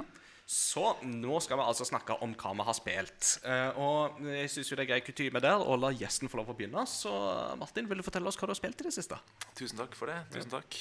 Jeg eh, spiller stort sett eh, Heartstone. Ja. Um, kommer meg ned til legend rank. Tar litt tid av og til. Det um, men jeg har hatt litt fatigue, så da har det vært digg å avkoble med Pokémon trading card game. Mm. Og da Ukens høydepunkt var å spille mot Mats Jakob uh, online der, altså. Mm. Oh. Nice. Eh, da var det sånn uh, Jeg eh, ble med med min nye eh, budget-dekk, da. Og skulle spille første kamp mot Mats Jakob, som flesker til med det beste kortet i spillet, ganger tre. Eh, level up. Gruste meg greit der. Eh, men jeg vant én kamp. Gjorde ikke jeg det, Mats Jakob? Det gjorde du. Yes. Pay to win, Mats Jakob. Og jeg fikk et veldig bra kort. Charis, Mega Charizard fikk jeg av Mats Jakob. Nice. Oi. Så det er deilig å ha Kan du gifte kort til hverandre, altså? I, Ja, du kan trade. Det er trading card game. Oh, Så jeg, Just mind got is blown. schooled. You just got schooled. School's in I hope, I hope you have a good aloe vera lotion. You just got burned. yes. Yeah. Så det er en veldig fin variasjon fra Holston. Ja, egentlig. så bra. så bra. Har du noe mer eh, eventuelt å bidra med? Eller? Nei, det går mest i det, altså. Ja. Eh, Da pitcher vi videre til Mats Jakob, siden eh, din trading card buddy. Eh, Mats Jakob, hva har du spilt siden sist? Nei, altså, jeg spilte med en skikkelig noob på trading card. Nei, Som betalte meg 1000 kroner for en sånn mega Charizard. Betalte 1000 kroner for en magic card. Åh, Han utvikler seg snart, da. Bare vent. Bare den, for øvrig, den kampen Martin vant, da var det jo begge spilte Charizard Nei, eh, Gyarados-dekk. Ja. Og så ble det, Konge. ble det omspill, og så vant Martin omspillet. Nei, ja. Var det den du vant? Nei, jeg skal ikke. Whatever. Uh, jeg har spilt. Pokémon med Martin. Yeah! Det var kjempegøy. Uh, uh, og da Ja, jeg var liksom Da var det noen dager siden jeg hadde spilt. Eller en dager. En liten stund siden jeg hadde spilt. Så det var sånn gøy å Gøy for en ny venn å spille med. Du blir litt lei av å spille med randoms etter hvert. Mm. Eh, så, Det skjønner jeg. Som vi snakka om, Martin. Plutselig Noen Det er noen som bare er så, har de så ekstremt bra kort. At det, det er liksom ikke Det er ikke vits. Du må ha superflaks for å vinne. Og så er noen er liksom på ditt nivå. Så det er ikke noe sånn Det er ikke noe sånn match bra Det er ikke noe sånn matching-system der. Det er bare liksom første og beste random battle, på en måte. Ja, det er ikke veldig sånn online rating-system der. Nei, på ingen måte. Så det er jo liksom Jeg syns jo ikke online-versjonen Jeg ser jo for meg at Hearthstone er, Det er litt skritt ned for deg hvis du er vant til Hearthstone i forhold til setupen, Ja, på en men et forfriskende skritt. Mm. Mm. Mm. Ja. Mer detaljer om det kan vi komme tilbake til etter pausen. Mm. Men Ja, eh, dybden, spørsmålet er om uh, du har noe mer Ja, eh, å komme med? Eh, og så har jeg spilt uh, Elite Heroes 3. Og så i går så satte jeg meg ned uh, Da spurte Ludvig om vi kunne spille TV-spill. Som er tre og et halvt. Og så har jeg en 19-tommer Ninja Turtles-TV. Eh, Nice. Så da hooka vi opp Super Nintendoen, og så spilte vi Turtles in Time co-op. Oh, det er så bra! Ah, nice! Det var veldig gøy. Så Cowabunga! ja. Cowabunga, dude. Cowabunga. Red Apple! 3M! ja, ja, det er så elendig uh, voice synthesizer. Men uh, det er jo veldig gøy å spille med en fyr som ikke kan trykke på to knapper på en gang. Så han kan gå, og så må han stoppe, og så må han trykke på den slå knappen. Og så sier jeg 'du må gå, Ludvig'. Å ja. Så går han igjen. Og så Endelig er du bedre enn noen, Mats Jakob. Ja, endelig. Har, har jeg noen gang pitcha til deg mitt, min uh, idé til et bra cosplay-bilde? Nei.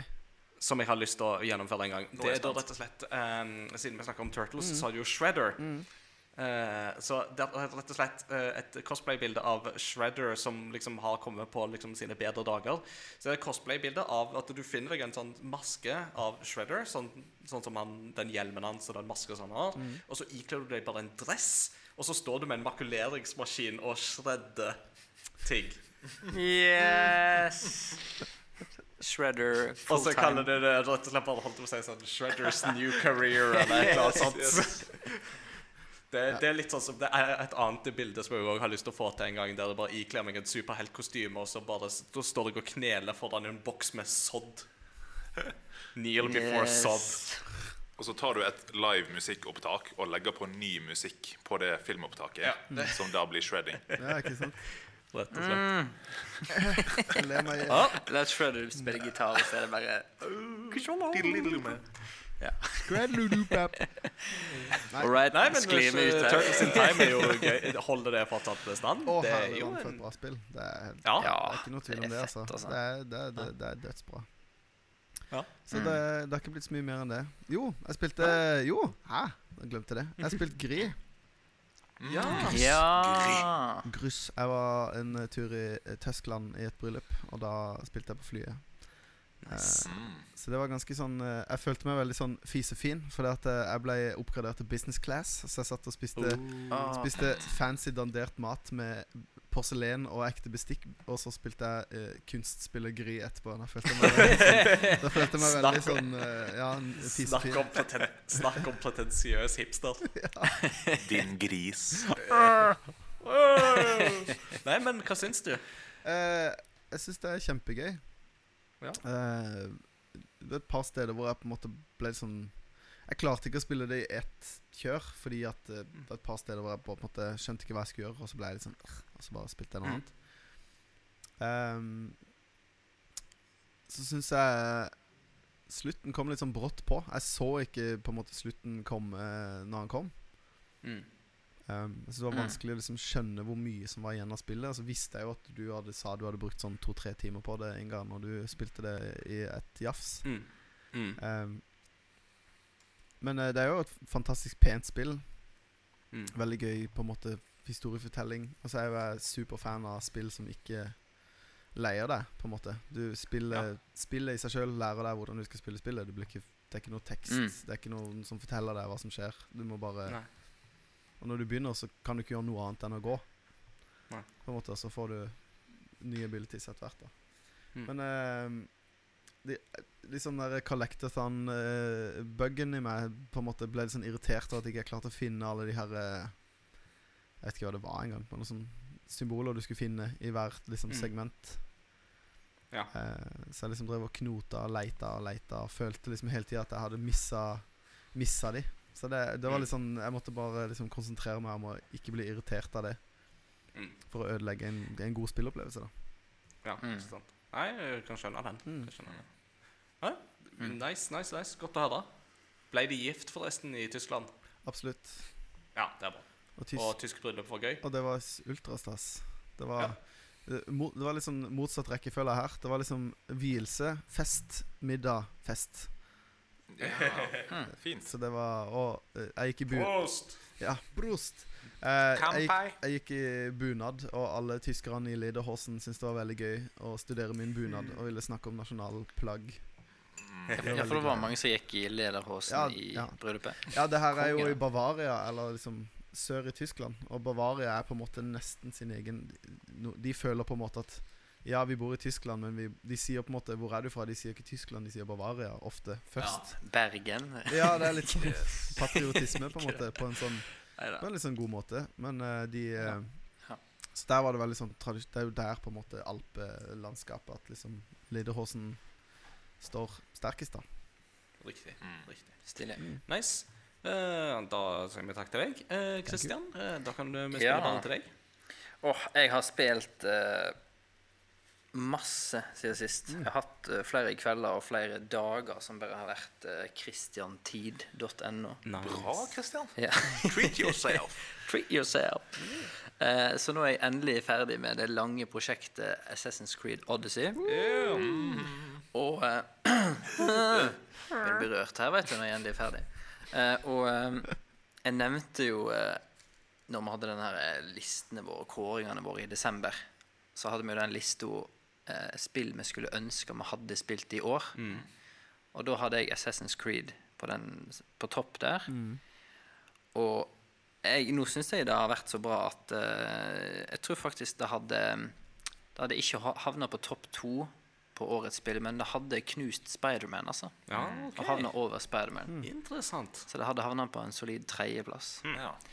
Ehm, men ja, ferdig med det. Eh, jeg har uh, Sekiro, litt sånn sikkert litt samme forholdet som eh, du, Inger, at jeg liksom har perioder jeg liksom spiller spillet. Ja. Men jeg, klarer liksom ikke å sitte og spille så altfor lenge. Så hver gang jeg spiller, så tar jeg en miniboss eller en hovedboss eller Ja. Men nå er jeg mot slutten i det spillet der òg, tror jeg. Eh, jeg har men, men det spillet jeg har lyst til å snakke mest om, er Resident Evil 2 Remake. Resident Evil Yes. En serie som jeg har vært eh, Ikke spilt alle spillene i serien, men jeg har vært veldig glad i den siden Resident Evil 4. Eh, og den serien her fikk jo på en måte Hadde på en måte sin topp med Resident Evil 4 i På den Ja. Og det her er da GameCube og PlayStation 2-generasjonen. Og så gikk det litt nedover. Men når Resident Evil 7 kom ut som en, Det er vel en tre år siden? To-tre Ja, år det var vel i 17, tror jeg. Ja. Så eh, var Ja, det var en veldig frisk pust inn i serien, da. Mm, absolutt. Som var et veldig, veldig bra spill. Første person. Forferdelig skummelt. Og så var det neste spillet i serien ikke Resident Evil 8, men det var Resident Evil 2 Remake. Laga da i samme engine som Resident Evil 7. Og det, da at det ser så vanvittig bra ut, gjør det jo ikke mindre skummelt. gjør det egentlig bare enda mer skummelt. Eh, Resident Evil 2 Jeg har ikke spilt originalen, men jeg satser på at det er ganske likt bygd opp som remaken. Og når du setter i gang Resident Evil 2, så velger du om du vil spille som Leon Kennedy eller Claire Redfield. Redfield. Og det som er veldig kult med spillet, er at spillet oppfordrer egentlig til å spille gjennom det to ganger. For når du er ferdig med storyen, så kan du, du, du kan, Da starter du ikke nødvendigvis New Game Plus, men du starter New Game Second Run. Og da spiller du automatisk som den andre karakteren. Og så tror jeg spillet sin pacing er litt kjappere, for at du liksom ikke skal Ja, det skal gå litt fortere, da, men du får sett, eh, sett storyen i fra et annet perspektiv. da. Eh, og jeg har bare gjennomført det én gang nå, eller en og en halv snart. Og da spilte jeg som eh, Leon Kennedy.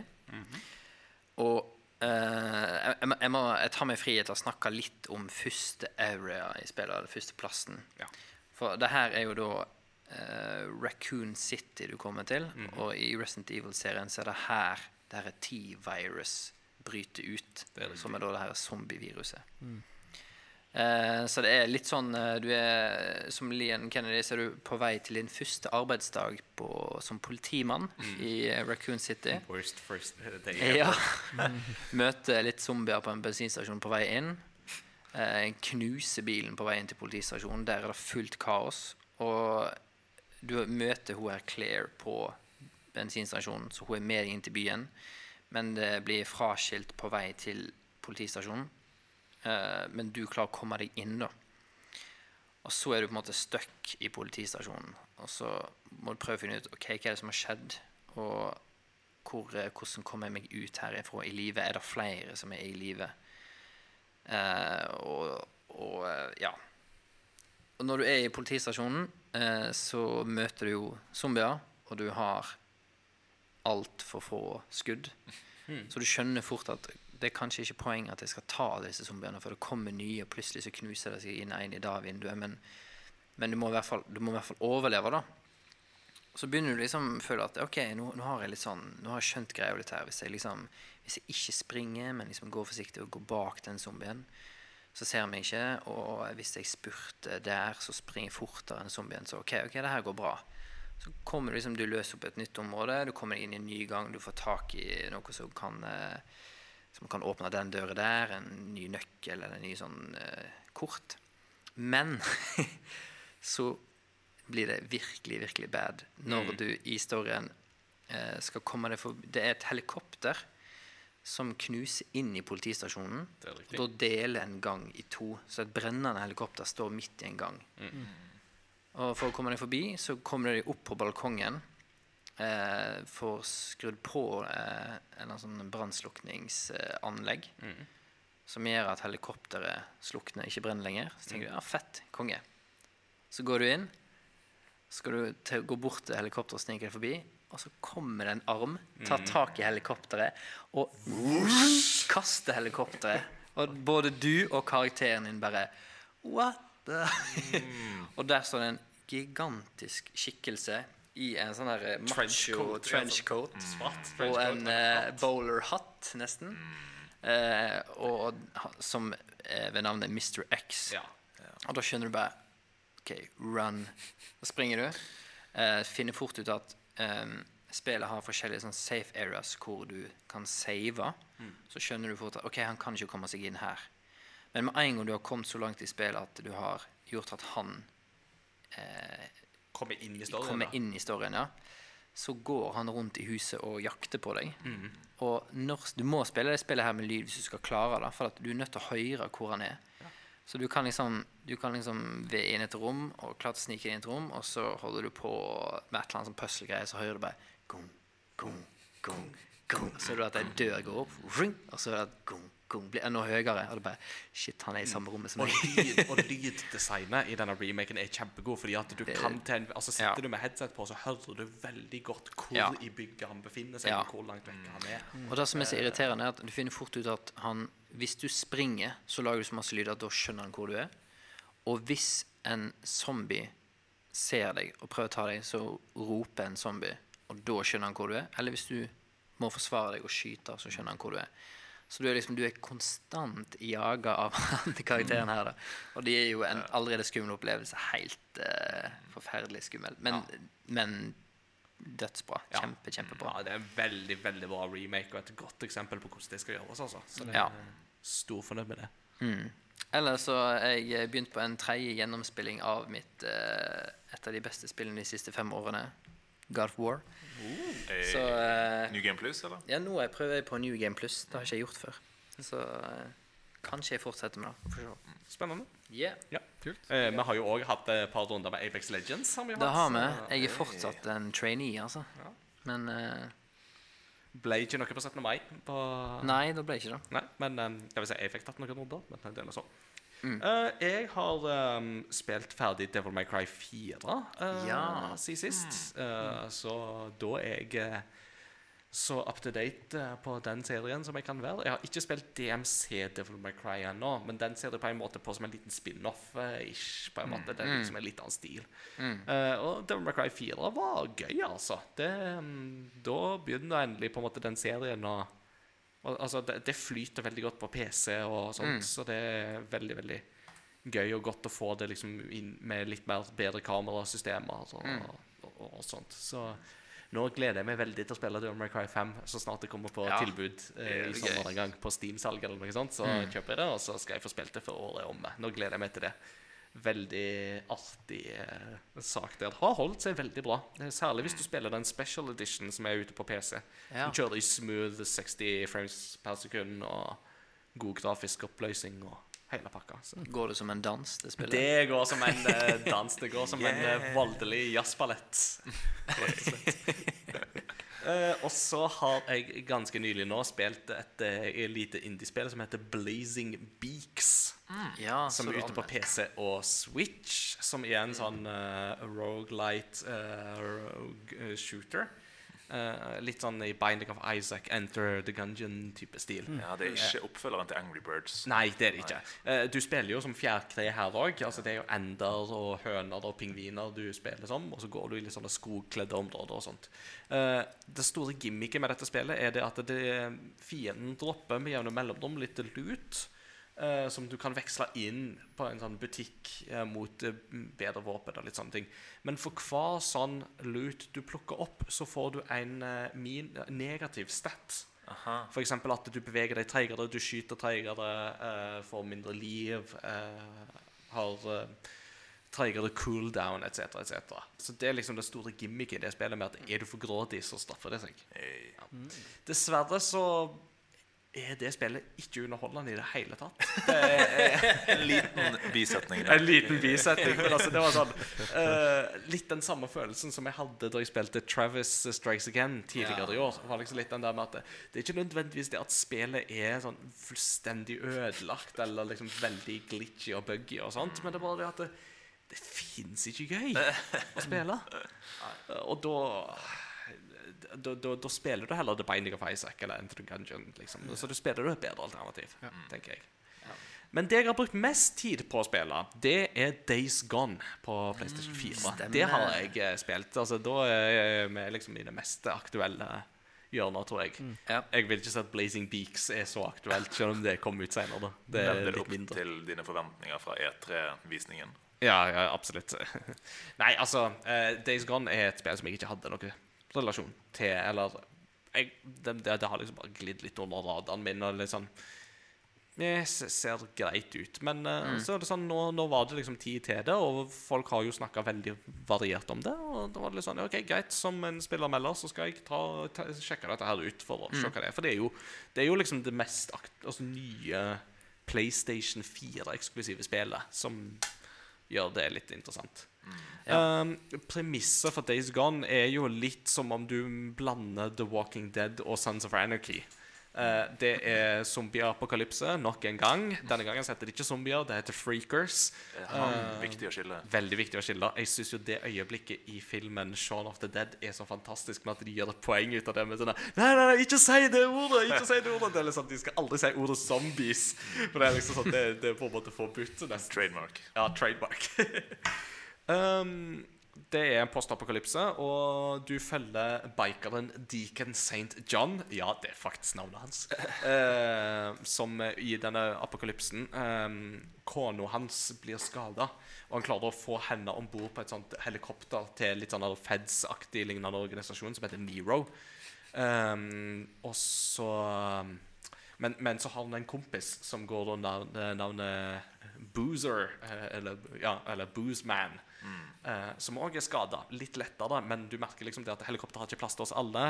Eh, hvis Hun må uansett på helikopter, for hun trenger legehjelp. Eh, men hvis Boozer er alene, så klarer ikke han seg, liksom. Så han må liksom velge kona eller kompisen. Så han sender kona av gårde med helikopteret og hjelper Boozman ut av den apokalypsen. Og når spillet begynner, så er du da sånn to år seinere. Du har ikke hørt noe fra kona, og Liksom Verden har gått litt av hengslene, og det er zombier rundt omkring. Og du kjører rundt på en eh, motorsykkel og prøver å gjøre det beste du kan ut av situasjonen. Uh, og så har liksom Deacon aldri helt gitt opp håp om at kona lever heller. Så det er jo litt sånn stadig et håp om å liksom reise og prøve å finne henne og sånne ting. Days Gone er Jeg vil ikke si det er dårlig. Det vil jeg ikke. Eh, men jeg er òg veldig enig med de som sier at dette spillet kom egentlig litt for seint. Altså, hadde dette spillet kommet ut bare for to år siden, så tror jeg at det hadde underholdt mye mer. Litt før zombie fatigue. Ja, litt før zombie fatigue, men altså sånn som Resident Evil 2 får jo til zombie-sjangeren ganske bra. Um, mens her så er det litt mer det at um, den der åpen verden-sjangeren For det er jo ganske sånn åpent uh, område og sånt, og det spilles veldig som en sånn klassisk åpen verden-spill. Altså føles veldig som en sånn blanding av liksom gammel Far Cry-formel eller gammel Assassin's Creed-formel med litt sånn Kjør dit, snakk med den, gjør det, kjør det. Så, så veldig sånn standard formel på det hele, som blir veldig monoton og kjedelig i lengden. Føler du du har spilt det før? Ja, jeg føler liksom at jeg har spilt det før, men jeg har gjerne spilt det bedre òg. Altså, jeg har spilt Horizon Zero Dawn, som er et bedre spill. Eh, Jeg har spilt um, Jeg har ikke spilt Assassin's Creed Odyssey, men det virker jo bedre òg, sant? Eh, så er det litt sånn ja, Jeg klarer ikke helt å på en måte nå opp til det der eh, toppnivået da, eh, som jeg skulle ønske. Um, og så må det jo òg sies at teknisk sett så sliter jo spillet kolossalt hvis du spiller på en vanlig PlayStation 4. Ja, okay. Med en gang du hopper på en eh, motorsykkel, så merker du at frameraten popper langt ned. Jeg tror vi snakker i sånn 15 bilder per sekund. eller noe sånt. Det er skikkelig hakkete. Og draw distancen er òg veldig dårlig eh, til tider. Altså. Så det er optimaliseringa på en vanlig PlayStation 4 er fryktelig dårlig her. Det Skulle tro at det var kriterium nummer én for en PlayStation eksklusiv. ja, du skulle liksom tro det. Men eh, så, også, jeg hadde jo jobba med dette kjempelenge òg, og det har blitt utsatt flere ganger. Og så er det liksom det du sitter igjen med. Så det er litt sånn men, men, men det skal sies da at når du støter på disse her eh, zombiene, freakers, de er ganske bra animerte. Og de opptrer jo ofte i en flokk, altså i en horde. Ja. Og da er det veldig bra animert. Altså, fordi at da har du sånn 50-100-150-200 zombier som springer mot deg på en gang og bare Og De animasjonene der, de er ganske gode, altså. Ja. Så Men uh, det, det er jo et, et spill uh, Open world-spill spesielt er jo ofte berykta for å ha en del bugs og glitcher. Ja. Jeg så en glitch av det her, hvor det var en som liksom bare går til fots da, ute i naturen, og så glitcher det inn en sånn horde med zombier midt oppi han. Han bare! Så dør han med en gang, liksom. Så sånn. Peaceful trip Okay. destroyed. Det skal jo òg sies at storyen er liksom litt sånn så som så. Um, og Ja, okay. det er jo ikke litt sånn Det, det er ikke nydelig skrevet, dette her, altså. Og det er litt sånn Det er dumt. For det er liksom, jeg føler storyen som kunne ha liksom løfta det spillet her litt. Det, det kunne det, uh, men det er mye platt dialog, og det er mange av rollefigurene som er så latterlig dårlige til tider. At det er sånn Det er som å se de dårligste episodene i The Walking Dead eh, til tider. Filler-episoder. Ja, eh, og det, det føles ikke så bra, altså. Men likevel, jeg har lagt ned en 25 timer i det spillet nå. Begynte forrige lørdag, så jeg har jo spilt de 25 timene på ei ukes tid. Og skal jo spille det ferdig og sånt, absolutt. Men um, det blir ikke en Game of the Year for meg. Det, det blir det dessverre ikke. Det, men igjen så er det litt den der med at det, det er ikke dårlig likevel. Det har liksom nok til å holde det gående, og jeg har en viss entertainment value og, Ja. og sånt, da. Mm. Men eh, etter å ha spilt sånn Red Dead Redemption 2, for eksempel, som er sånn kongen av åpen verden, så Det er det som er skummelt, vet du, når det kommer sånne spill som bare nailer noe så inn i granskauen. Mm. Så eh, er det litt synd for de første spillene som kommer etterpå. Yes. men, men jeg hadde en sekvens i Days Gone i dag som jeg må bare snakke om. Det var liksom rett før jeg kom hit. Og det var at jeg var i en camp, altså i en sånn litt sånn større leir, større område. Det er tre forskjellige leirer eh, i dette spillet som du kan alliere deg med. Ja. Uh, og i den ene leiren så popper det plutselig opp en sånn spørsmålstegnmarkør på minikartet. Og da er det ofte sånn Her skjer det et eller annet. Gå bort dit. Så da gikk jeg bort dit, og da var det liksom sånn Hei, er det fiender inne i leiren? Hva, hva skjer? Men da var det rett og slett bare to stykk som satt med en gitar og så en sånn tomt malingsspann og spilte trommer. Og så satte han ene malingsbandet fra seg, og så satt en annen og bare spilte gitar. Og så bare satt og spilte en sang. Og så kom det flere fra leiren inn og satt og hørte på denne sangen. Og det var liksom, og det som var så gøy å se på der, var der har de utmerka seg med det tekniske arbeidet, for grepene er helt korrekte. Alle grep og sånt han tar og liksom ved er fingerføringene og sånt, de var helt riktige. Det har du ikke i Red Dead Redemption 2. Nei, For Der nei, sitter ikke. pianister og bare slår helt vilt på et piano. Og jeg kan som pianist love deg at de treffer ikke en skit. Yes. En liten apropos eh, til nyhetsspalten og Red Dead 2 er jo at det kommer poker Ja, i Red Dead 2 Online. det er sant. Eh, og det er ikke åpent for alle land rundt omkring i verden, for det kommer an på gamblinglovverket i forskjellige land og regioner. Ja. Så Days Gone skal jeg fortsette med, eh, og det mm, blir jo spennende å se hvor eh, det går hen. Det blir spennende å høre videre. Det blir veldig spennende. Med det så tar vi en kort eh, pause, og så er vi tilbake for å snakke om dagens tema. Big Apple, 3 a.m. Da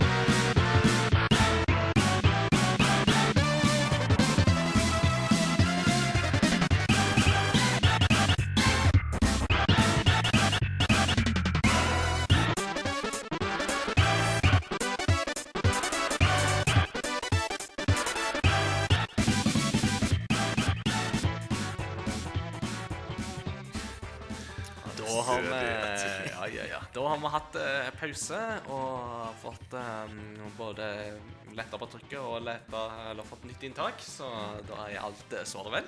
Um, du, Martin, vi har jo invitert eh, deg eh, for å snakke litt sammen med Mats Jakob her. Um, det blir mest dere som skal få lov å på en måte lære oss litt i dag. Altså, Se på oss som noobs, eh, amatører i dette her, og dere er våre sensei nå. Wise sensei. Yes, wise sensei. That is you. Så. Um, og altså, du har jo sagt uh, Snakka litt om Heartstone allerede. Eller Heartstone Heroes of Warcraft, som jo er den fulle tittelen. Yes. Uh, og Mats Jakob har jo tidligere snakka masse om Pokémon Trading Card Game, og dere har jo spilt det òg litt i dag. Så i dagens episode så tenkte vi å snakke litt om dette med digitale kortspill. Um, Så la oss bare begynne helt sånn elementært innledningsvis. Hva er Heartstone for dere? Heroes of Warcraft, uh, Heartstone. Mm, man kan på en måte si at det er den mest effektiviserte formen for card game eh, nå, digitalt, online. Um, den låner jo veldig mange mekanismer fra Magic the Gathering. Um, du spiller vel, du kan velge mellom åtte heroes som har på en måte sitt særpreg, eh, og kan bygge med sine taktikker. Og eh, det minner jo om disse forskjellige fargetypene i Magic the Gathering. um, så vil vi skal si litt om selve mekanismene, eller? Ja, Hvis du kan på en måte si litt kort for de som er nysgjerrige, og som aldri Ja. har spilt uh, Heartstone før. Så, Hvordan foregår et game, eksempel? Ja, sant. Det er jo da én mot én. Begge begynner med 30 HP, og man lager en dekk på 30 kort. Og så er det om å gjøre å få den andre spilleren sin HP til null. Um, og da kan man møtes online, og um, det er et ranked system, eller ikke ranked. Og arena er det forskjellige typer games som man kan spille. Ja. Andre ting Ja, og så er det jo Disse kortene har jo gjerne forskjellige typer egenskaper. ikke sant? Så her gjelder det jo å bygge dette opp på en ganske yes. balansert måte, skal vi si det sånn, da. Ja. Mm. Det er da forskjellige taktikker man kan liksom bygge seg opp mot. da. Du har en som kan være å få mest mulig armor, f.eks., eksempel og prøve å vare ut motstanderen, som kan prøve seg med masse små minions eh, for å komme tidlig i angrep med kortene sine, f.eks. Og eh, ja, det er, det er veldig gøy det å sette seg inn i de forskjellige taktikkene og mestre forskjellige. ikke sant? En, en ting som kan være litt sånn skummelt for potensielle nye spillere med med sånne spill som det her, som har fått ganske mange expansions, eller tilleggspakker, eller som Hearthstone har fått. Er, det, er det vanskelig som ny spiller å komme deg inn i Hearthstone? Jeg syns ikke det. Der Du har jo jeg, snart eh, sånn sikkert flere tusen kort, kanskje? Ja, men der syns jeg Hearthstone har vært veldig flink i forhold til andre kortspill. At de har nå en competitive modus ranked som heter standard, som er de to siste årene kun. Ja. I tillegg til den første classic-pakken.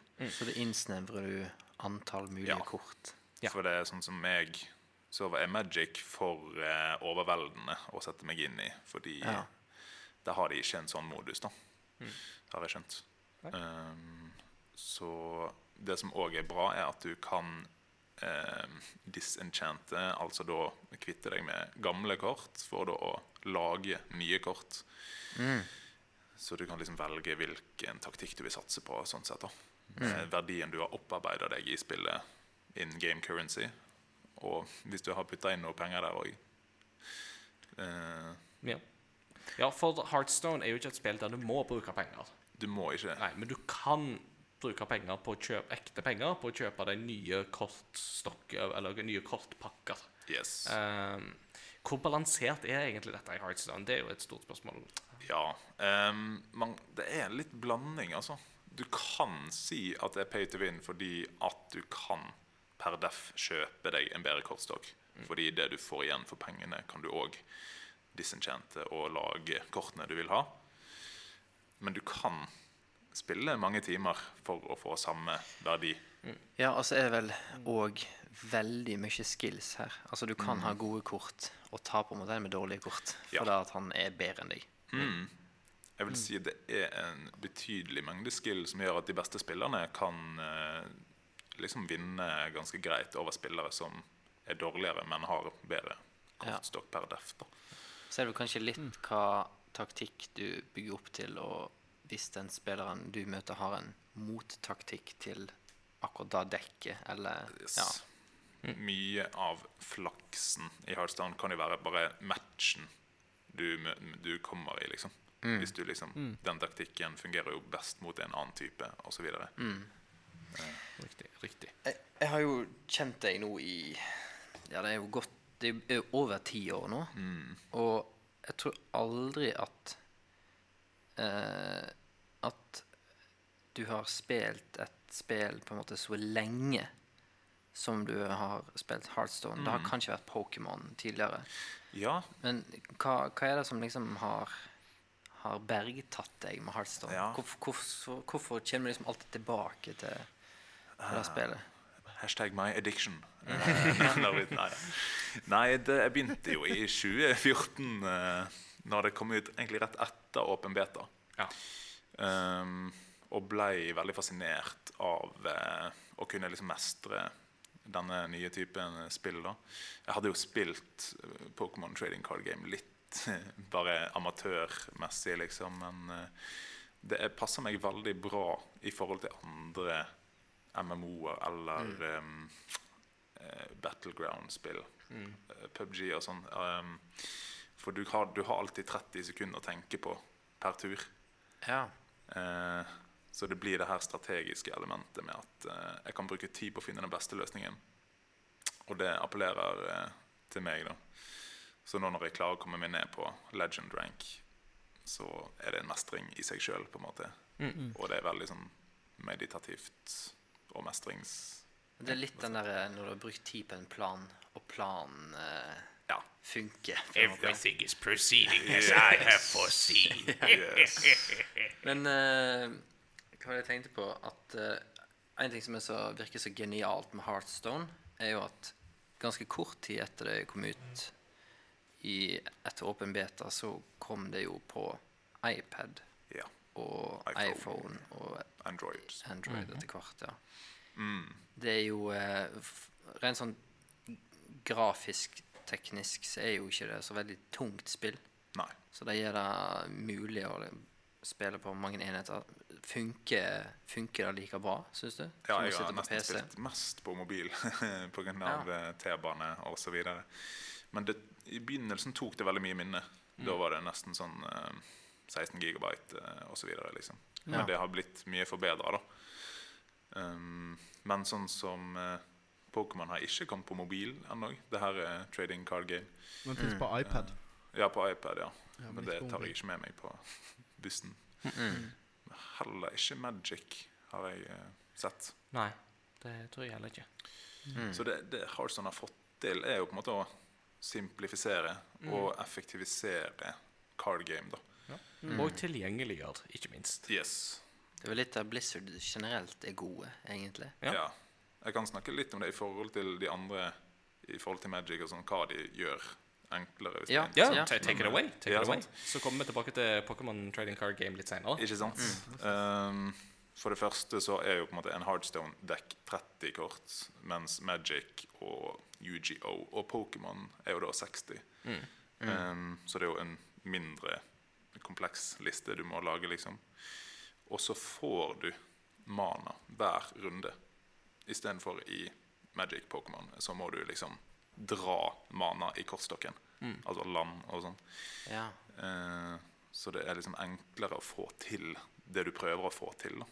ja. Så det er automatisk en enklere mestringsfølelse bare på det. Kan planlegge litt lettere. Mm. Ja. Og så har de veldig sånn effektivt eh, rangeringssystem.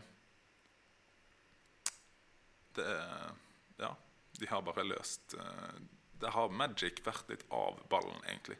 For de var jo på topp. Ja.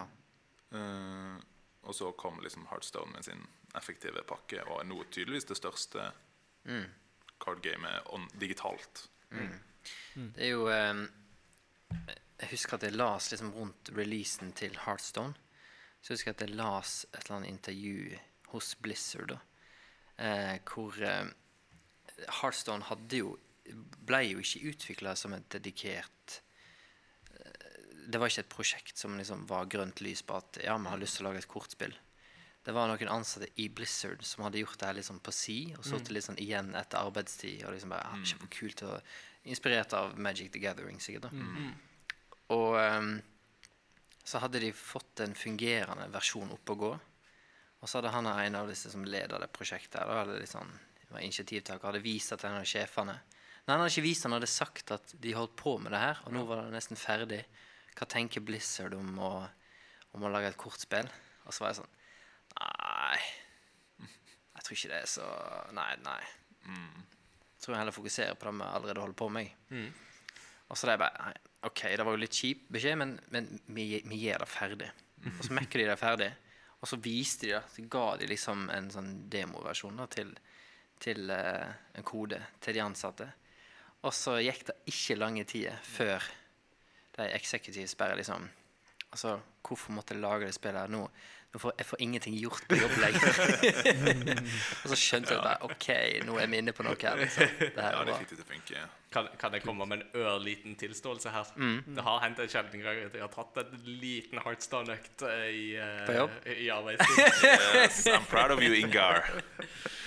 Det har Well played. Din ikke hører til mitt, til mitt forsvar så har det vært i en veldig, veldig eh, døde periode der det ikke har skjedd noen ting annet. Så det liksom... Hvor du venter på en spesifikk mail. ja, ja, ja. Det, det, ja, men det er gjerne det. ikke sant? Altså, Du venter på en en mail eller på et svar på en supportsak eller et eller annet sånt. Eller bare kjenner liksom at ok, nå har jeg sittet litt for lenge med arkivering og sånne ting. Nå, må- nå må jeg bare gjøre et eller annet annet.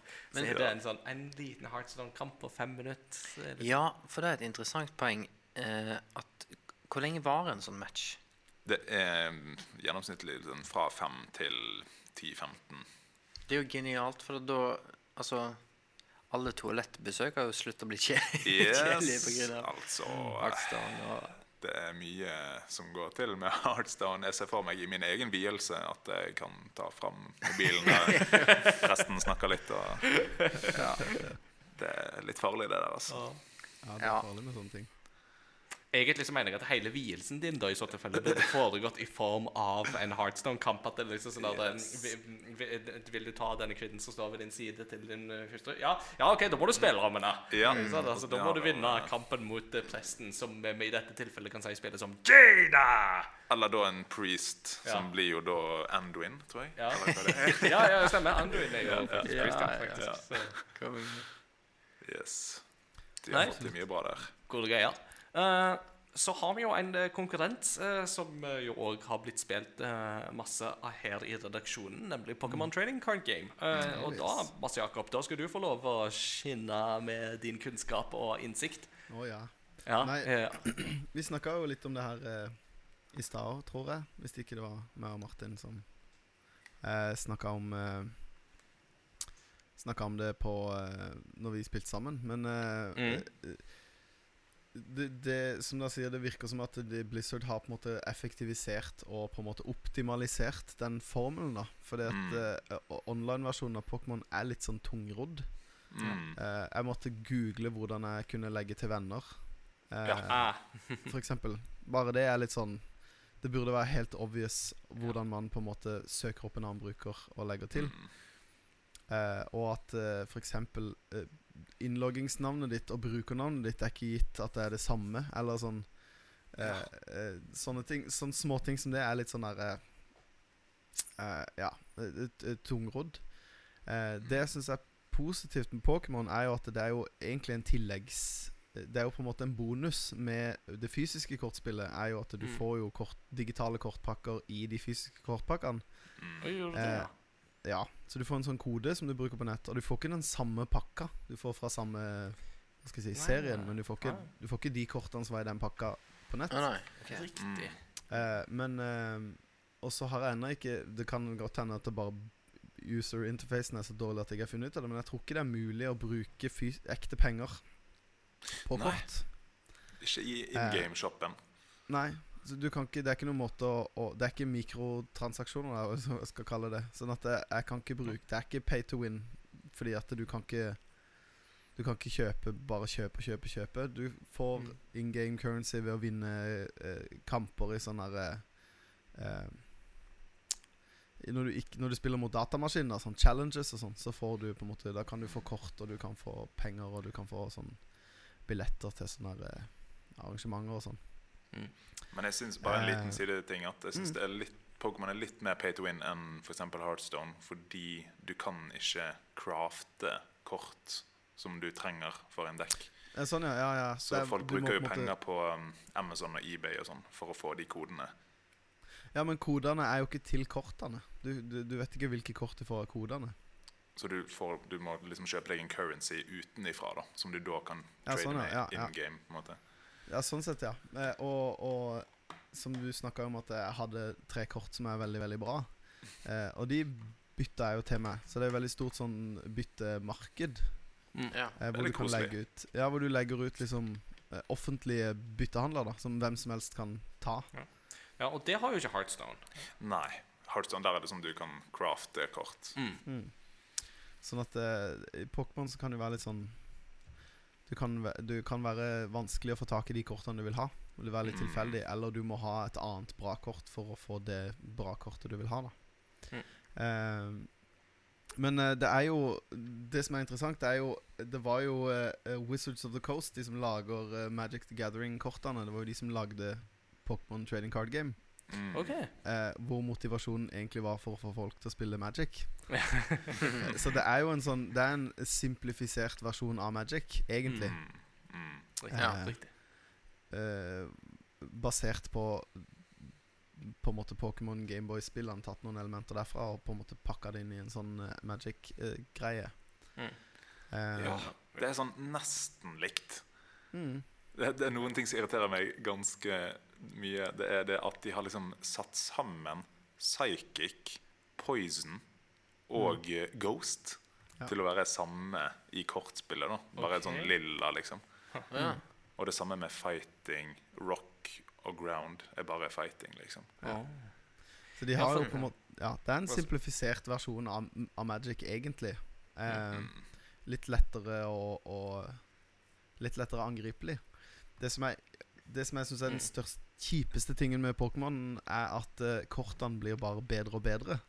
Sånn at gamle kort blir litt sånn ubrukelige etter hvert. Fordi at det, Ah. de på en måte For eksempel når vi var små, så var jo Charizard Første Charizarden var jo liksom Den var sykt OP, for den hadde over 100 HP. Ja, den hadde vel 120 eller noe sånt, hvis Ja, jeg husker og kunne ta, og kunne ta liksom 70 skade. Også den Ja. mega-charizarden jeg bytta til Martin, den kan ta 300. Så det er litt sånn der eh, Ja. de, de gamle kortene er ubrukelige, da, eh, i, i, mot nye kort. Så det er veldig mange sånne klassifiseringer av hvilken type dekk du har, da. Um, og de som spiller profesjonelt, de, da er det jo alt Da setter jo på en måte Pokémon Company De setter jo hvilke uh, utvidelser du kan bruke, da. Ja. Um, La meg stille et eh, kjapt lite spørsmål. Altså, når, når vi snakker om Pokémon, eh, Ja. så tenker jo jeg automatisk på dette med Pokémon-kamper i spillene. Og da er det jo dette her eh, systemet med at det, det, ting er sterke og svake mot andre ting. Altså den klassiske eh, gras-Pokémon er bra mot vann-Pokémon, vann-Pokémon er bra mot ild-Pokémon, og ild-Pokémon er bra mot gras-Pokémon. Det er jo den klassiske saken. Har du det elementet i eh, Pokémon TCG òg? ja. Ja. Du har eh, Da tar ting dobbelt skade. Ah, så det funker sånn, Så ja. på en måte Men det er noen. Pokémon Ja. som ikke har weakness. Mm. Og det er liksom noen vann-Pokémon har grass weakness, og noen har støt lightning weakness. da. Ja, riktig. Ja, okay. Og det kan jo gi mening, for at um, forskjellige Pokémon har jo forskjellige ofte, De er ofte mer enn bare én klasse, ikke sant? Ja. Mm. Uh, så Men det, det går også litt på hva det er for noe.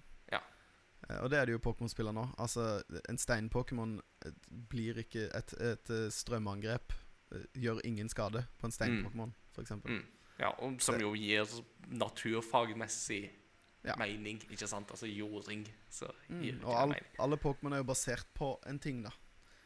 Eh, ikke sant? Det er jo det. Du, du trakk jo fram en gang eh, eh, Pokémon Trubbish og Garbodor, som er da Nei. søppel og søppelhaug. Ja, det var vel du som trakk de fram, hvis jeg husker det rett. Nei, det var Christian som trakk fram for han syntes det var så latterlig. Det var, Ja, da, okay. det var da jeg slutta å spille Pokémon på Gameboy. Det er vel en Pokémon som er en eh, buss òg? Som Ja. ligner på en skolebuss eller noe sånt? Nei, det er mye Det, det er mye sterkt. hva, de, de har jo gått tom for ideer på flere Ja. tidspunkt. Mm.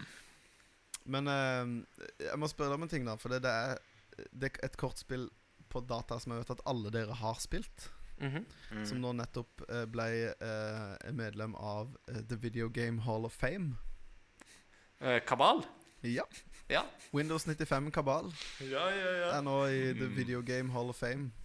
Nice. Ja, Det? Mange Det burde jo egentlig vært en nyhet, men jeg tok, jeg tok det her. For det, Ja, men da fikk vi den med, så det, Mm. det er bra. Der er sikkert minesveiper og jeg, jeg vet faktisk. Det er litt sånn random hva som er med. Det var liksom Super Mario Kart, eh, Doom og det her. Og så var det et liksom forholdsvis nytt spill òg, som ble Jeg husker ikke alle. Mm. Men det var fire spill i år. Men det er ikke en sånn greie de har holdt på med veldig lenge. Så det er liksom Jeg tror det er tolv spill som er i Hall of Fame. Mm. Mm. Riktig. Mm. Så uh, Pokémon TCG, så tenker jeg jo òg på uh, Altså, litt av grunnen til at jeg jo ser for meg at eh, dette med at du ikke har den samme kjøpsmuligheten som du har i Heartstone, f.eks. Så er det jo for meg at det er jo litt kobla med at Pokémon retter seg mot et yngre publikum enn det kanskje Heartstone gjør. Eh, og at eh, det kan fort bli litt sånn uh, dårlige nyhetsoverskrifter hvis det var sånn uh, Joakim 4 fikk papp, eller mm. brukte 30 000 kroner på digitale Pokémon-kort, yes. Og- Eh, men jeg ser jo òg for meg at Pokémon har jo den umiddelbare fordelen at det er Pokémon, som jo er noe folk har en relasjon til. Eh, Absolutt. Mm. Og, men, eh, og at det liksom eh, Det virker som de er litt sånn åpenbart opptatt av at det er et fysisk kortspill, først og fremst. mm. Mm. Eh, for de har jo ikke det, Altså, ja, det er ikke VM i uh, Trading Card Game Online, f.eks. Det er bare fysisk VM, Ja, riktig. f.eks. Og én ting som er veldig søtt når de har VM i Pokémon, Mm. det er at uh, hver spiller eh, sitter med sin fysiske kortstokk. Uh, og så får de hjelp av noen sånne aids da, som går i sånn hvit kappe. Sånn Ja, det Professor Oak-aktig stemning, liksom. Nydelig. Og sjøfler for deg. Og oh, det er de har noen veldig søte løsninger.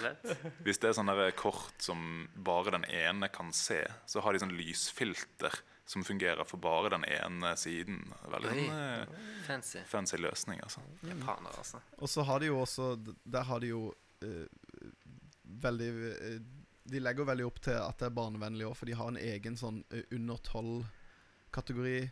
under Mm. 18. Eh, sånn at de har liksom De legger opp til at barn skal spille, og de blir på en måte like fremheva som de voksne, da. Ja, og det, det er jo bra. Ja. Mm.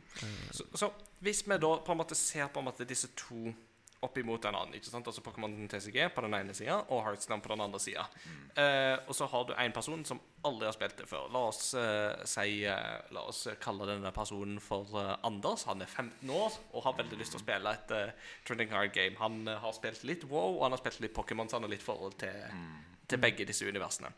Eh, hva er på en måte fordelene og ulempene med å velge det ene over det andre? Jeg vil si uh, kjære Anders uh, På 15? 15. Vennligst prøv begge to. Men jeg vil jo si at uh, Heartstone gir en mye enklere innføring i hovedmekanismene i, i kortspill, som man kan videreføre til andre, bl.a. Pokémon, som jeg har gjort. Men eh, hvis han har et sterkt forhold til Pokémon, så er det veldig koselig å sette seg ned med det. Det som eh, Heartstone også er veldig flink på, er å balansere metaen. da. Så for eksempel når de har lansert en ny expansion, så kan det gå bare en uke eller to før de forandrer på et kort. Hvis det er for overpowered, så skrur de det ned og balanserer metaen mye mer. da. Riktig. Så sånn sett er det en enklere brukeropplevelse.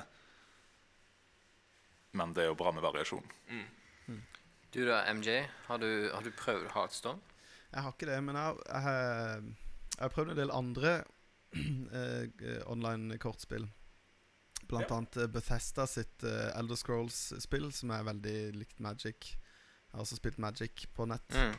Mm. Eh, men det, det som appellerer til meg med Heartstone, da Jeg tror egentlig også at det er bedre sånn eh, For det virker som at det er lettere tilgjengelig, og at det er ikke liksom knytta opp mot du må kjøpe fysiske kort. Eller det er litt sånn Ja, som jeg sa, Pokémon er litt tungrodd hvis du ikke på en måte allerede er inne i Pokémon-korta.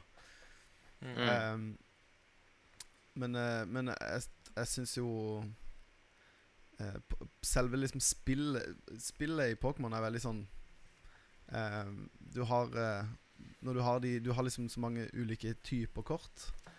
og ekstremt mange ulike strategier, da. Og det handler ikke om på en måte eh, ja, eh, ja. Du kan liksom bygge opp et dekk rundt ett kort. Hvordan skal jeg på en måte maksimere dette kortet? Eh, Ja. Det syns jeg er veldig kult. eh, å bygge de Ja, det finnes mange ulike strategier, da. Og, og, og det beste kortet er ikke nødvendigvis det det beste hvis noen andre har en bra crafta dekk, da. Mm. Eh, men, eh, men det virker som at Heartstone er liksom lettere tilgjengelig for en som ikke har spilt kortspill på nett før. Mm. Mm. Um, en, en ting som jeg tenkte har tenkt litt på i det siste, og spesielt etter du, Martin, viste meg den her eh, final matchen til han eh, Hunter Race, Hunter Ace, uh, er at gjennom, gjennom jobb eh, så er det jo ganske mye forskjellig spill det går i hos elevene. Og flere av elevene er ganske glad i e-sport, og spesielt innenfor et gitt spill.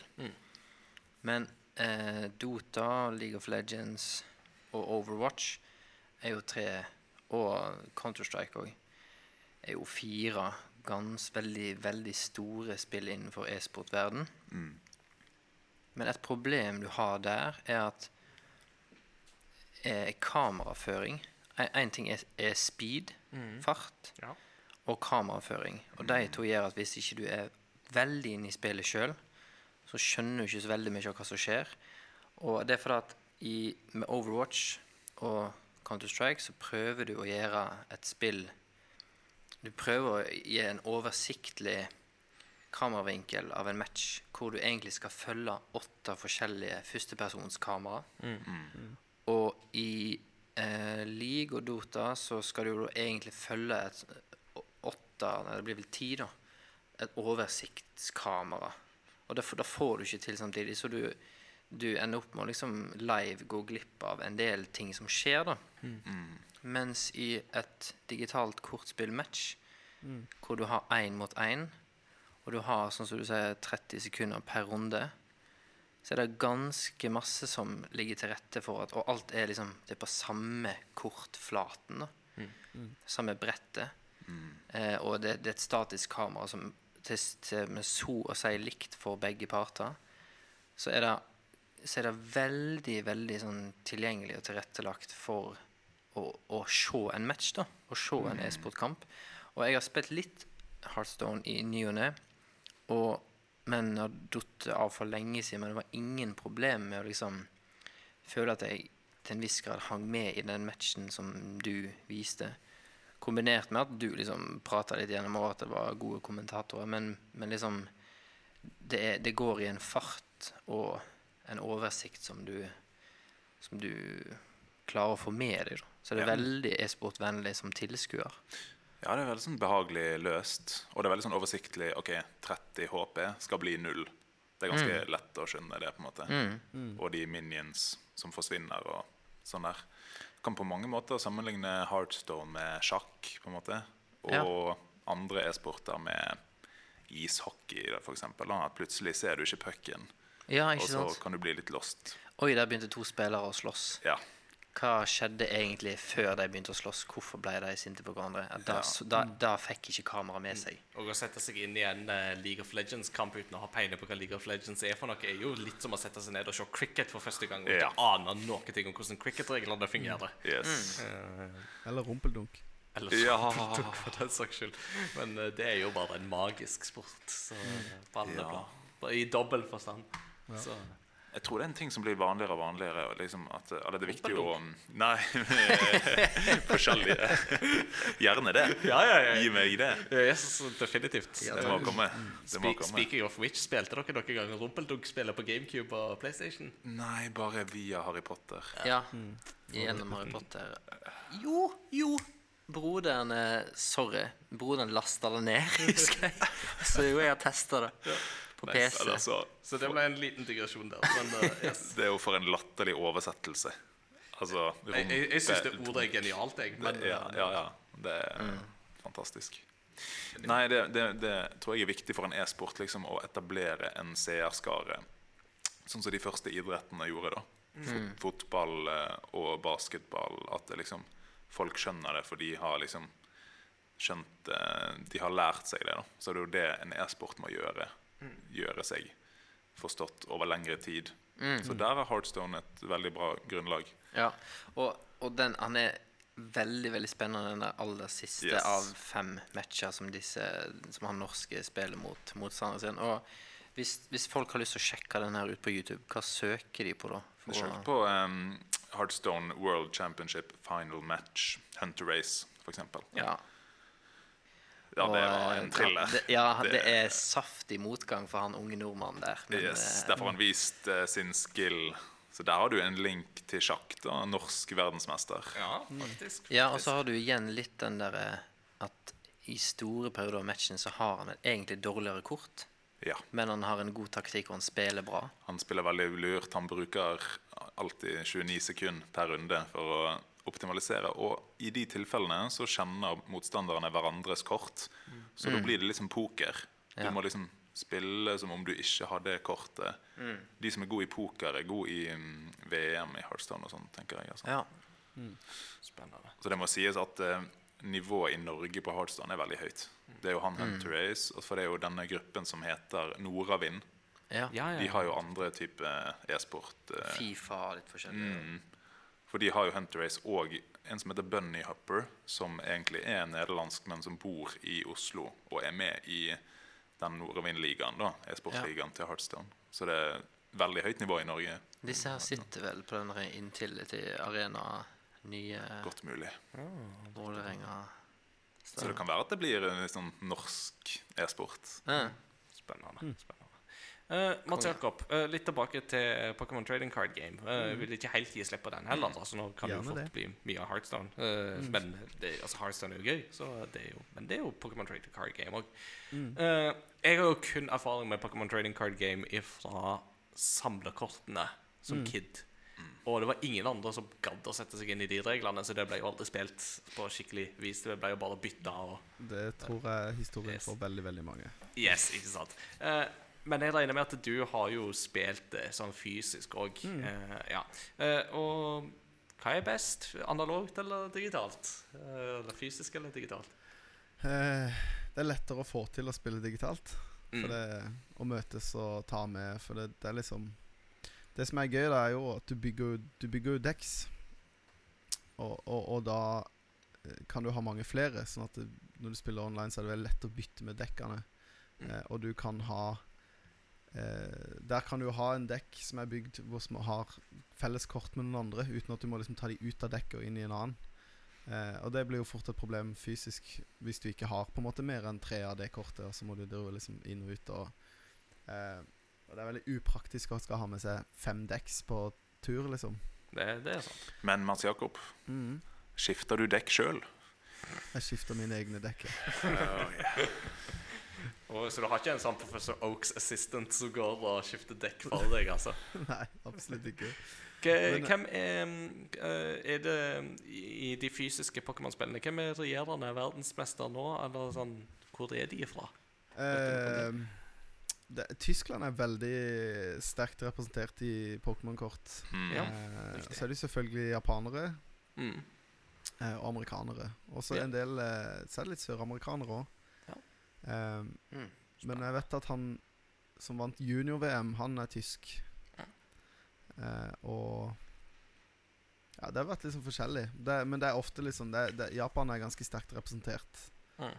Eh, og det er veldig festlig å se, for alle, vet, alle kan jo hva kortene gjør. Så det, sitter jo en japaner med japanske kort og spiller. Og så kommentatorene og alle de sitter jo De vet jo hva kortene er, uten å kunne lese det japanske kortet. Mm. Ja. Det er jo en Eh. fordel. Ser det på bildet bare. Mm. Mm. Ja, eller ja, de, de, de er så inne i det at, eh, at Mm. eh, de på en måte tar det lett der. Mm. Uh, men nei, det, det er liksom uh, Ja, tyskerne er veldig gode. Altså, jeg vet ikke om det er noen nordmenn som er sånn episk høyt oppe, men uh, det er noen wrong. nordmenn som er bra. Mm. Mm. All right. Du er jo god, Ja. Masako. Du er bra, du. Du er bra. Du er du, og du duger. Jeg ble jo eh, en stor vinner på eh, barneskolen når jeg klarte å eh, lime sammen to Pokémon-kort så begge var flipside up. Cheater. Tidlig i år. Eh, det hadde vært veldig morsomt å se om det var noe sånn cheating i Pokémon TCG-VM på den måten. Nei, Det hadde vært veldig rart. Men det er jo sånn For eksempel de eh, Ved den siste utvidelsen så, så uh, la de til en ny regel, eller en ny, nytt element, som er det de kaller for lost zone, som er da kort som Ja. er på en måte ute av spill. Det- For vanligvis ja, er det liksom Du har en discard pile, og da har du noen kort Mm. som sier at du kan hente kort der, eller at du kan shuffle inn i dekket ditt igjen og sånn. Mm. Men lost zone-kort er kort som på en måte er helt ute av spill. Det jo Eh, og da ble det, var det noen som De la, jo veldig opp til det, de som har lagd spillet òg, men eh, det er et dekk som ble kalt for eh, The Lost March. Som egentlig bare handler om For du har én Pokémon som tar 20 skade per Pokémon i Lost Zone. Mm. Eh, hvor du da bygde opp en dekk hvor det er sånn der eh, Hvis du legger ned dette kortet, så kan du bare legge det rett i Lost Zone eller sånne ting. Uh, sånn at det, Og den, den dekken er så sinnssykt OP. Hvis du først kommer Når du kommer i gang Hvis du klarer å komme i gang tidlig, så kan du liksom på tredje runde ta over 200 skade. Og det er helt sånn Det er helt uhørt. Hmm. Jeg har blitt drept av det dekket. Ja, det er, men det, eh, ja, jeg klarer ikke Jeg har ikke noe å stille opp med, liksom. Mm. Fordi det er jo eh, som i Sikkert i Heartstone òg, at det, det, du, ja, du får jo én hver runde. Mm. En, eh, her får du jo energy. Men Mm. uh, ofte hvis du skal få ta et bra angrep, så må du jo ha tre, fire, fem. Mens der trenger du bare én. Men du må ha masse kort i Lost Zone. Ja. Så det, det er litt annerledes. Spennende.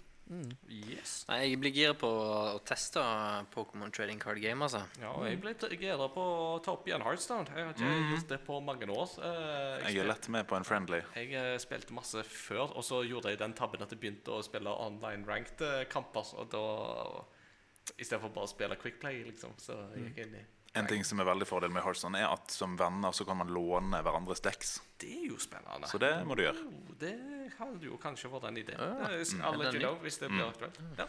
Med det så takker vi for eh, den eh, innsikten vi har fått der i eh, digitale kortspill. Da har vi lært litt om to av de store og største. Så det er veldig kjekt. Jeg tror både jeg og Ingar går hjem litt smartere i dag. Ja, det vil jeg absolutt si. Ikke jeg. Jo, men det kan hende, fordi skal, det kan hende, for da skal vi jo ha dagens kuriositet. Yeah. Som jo er Bring it on, Ja. bring it on. Og Kristian, du nevnte at du hadde et eller annet eh, gøy yes. å ta med oss. eh. Hva har, du, hva har du med deg for klassen i dag? Jeg har den store gladnyheten og meddeler at jeg ikke er ferdig å snakke om Assassin's Creed Odyssey ennå. Ingar begynner å gå lei. Men det er såpass bra spill, og de må, lytterne må bli kjent med våre personligheter, så de må tåle at vi nevner ett spill flere ganger. Og den kuriositeten her Vanligvis så Kuriositeter som jeg har delt med lytterne, har vært kuriositeter som jeg har kommet over ja, via en eller annen plass, og da ofte ikke har spilt spillet sjøl eller oppdaga det her sjøl i spillet sjøl. Men den kuriositeten her har jeg ikke hørt noen snakke om, og kom over den helt tilfeldig sjøl. Okay. Og så måtte jeg bare sjekke på nett etterpå. Stemmer det her? Og da fant jeg kuriositeten. da. Ja. Og det er hvis du stikker til øyet, eller landet Messara, eh, så kan du gå opp på en slags eh, klippe som er over en by. Og der har du en scene henta rett ut ifra Black Panther. For der har du eh, ganske tidlig i Black Panther Sorry, folkens, nå blir eh, de første 20 minuttene der spoila. Men der har du da en, en scene hvor han her eh, Tu- T'Challa, er det han heter? T'Challa? Ja. T'Challa. Eh, han er jo prins, skal bli konge, men da må han gjennom en, en viss sånn her eh, Et eh, Rituale. ritual var ordet, ja. Og der blir han challenger av en fra en annen klan. Mbaku. Ja, og da er det på en måte et lite vann eh, som de står og slåss i, som går ut i en foss. Ja. Som går langt, langt ned. Og så har du forskjellige sånne helninger i fjellet hvor folk kan liksom stå og se på. Og nå bare viser jeg bildet til dere her. Okay. Og det her kan du finne i Assassin's Creed Odyssey. Og det er jo henta okay, rett det ut er, ifra det er ganske likt. Snakker vi og du kan det gjorde, ikke, ja, du kan, det gjorde ikke jeg, da. Men du kan gå bort til disse her to som står og konkurrerer om et eller annet, Ja. Og wipe det. Og da flykter publikum i frykt. Men eh, jeg bare sto og så på og lot de holde på, og så gikk jeg videre i det oppdraget jeg holdt på med. Så men, men spørsmålet heter de to som slåss, heter de T'Challa og Mbaku? eh, Nei, det tror jeg ikke. ja, så det er da dagens kuriositet. Veldig festlig. Mm. Så gøy. Curious. Curious indeed. Lærte du noe da? Ja. Ja, absolutt. absolutt. Ja, så bra. Da mm, gjenstår det bare for oss å takke for eh, kveldens episode. Vi må jo selvsagt si takk til deg, Martin, for at du tok deg tid til å være med og snakke om uh, hjertebarnet Heartstone. Antoni arigato gozaimasu. Hei, kochi dere så arigato gozaimasu. Det var veldig kjekt å ha deg med, og forhåpentligvis så blir det et eh, gjensyn i, i framtida. Det må vi jo kunne få til. Ja. Um, vi satser jo på å ha neste episode klar til vanlig tid om to uker, så det er jo så. Og eh, på slutten av episoden så har vi jo alltid et postludium. Og igjen, der òg syns vi det er grei kutyme å la gjesten få velge et postludium. Så hva har du valgt for oss, Martin? Jeg har gravd inn innerst i skattkammeret og funnet mitt eh, favorittsoundtrack eh, gjennom tidene. Og det er da gullskatten eh, Fantasy Star Online episode 1 og 2 på GameCube. Nice. Det har fantastisk soundtrack Oh, eh, komponert av Hideaki Kobayashi og Fumi Kumatani fra Sega. De har lagd musikk til Sonic og så Ja, mange. Konge. så da kommer da sangen Chaotic Bar. Og det her spillet er jo da sånn et eh, science fiction-spill. Man bor på en base. Og musikken herfra er når man er liksom i loungen i forskjellige shops og eh, skal rundt og utforske. Ja. Chaotic Bar fra Fantasy Star Online 1, episode 1 og 2. Der, Yes. altså. Ja, fra GameCube. Herlig. Jeg gleder meg til å høre. Jeg har ikke hørt så mye på det soundtracket sjøl, men eh, det blir veldig gøy for meg å høre når eh, episoden er ferdig redigert. Ja. Takk eh, til alle dere andre òg som var med som vanlig. Og ja, det neste episode kommer om to uker. Og inntil den tid så ønsker vi alle våre studerende lyttere lykke til med eksamensgjennomføring Ja. og den slags. Og Så glad for at jeg er ferdig med de greiene. ja, du, altså, du, du vet at de neste tre ukene så skal jeg sitte og passe på studenter ta eksamen, ja, så jeg blir jo aldri ferdig med eksamen. Ja, jeg har ikke elever. I'm gonna take all of them. Gamba di mashta. Men uh, hvis eh, noen av studentene ikke oppfører seg, så skal jeg spoile Game of Thrones for dem. Så da må de passe seg. Evil. Yes, yes, yes. Nei, da sier vi takk for oss og i kveld. Og som vanlig så snakkes vi ved neste korsvei. Ha det bra. Ha det. bra Bye bye.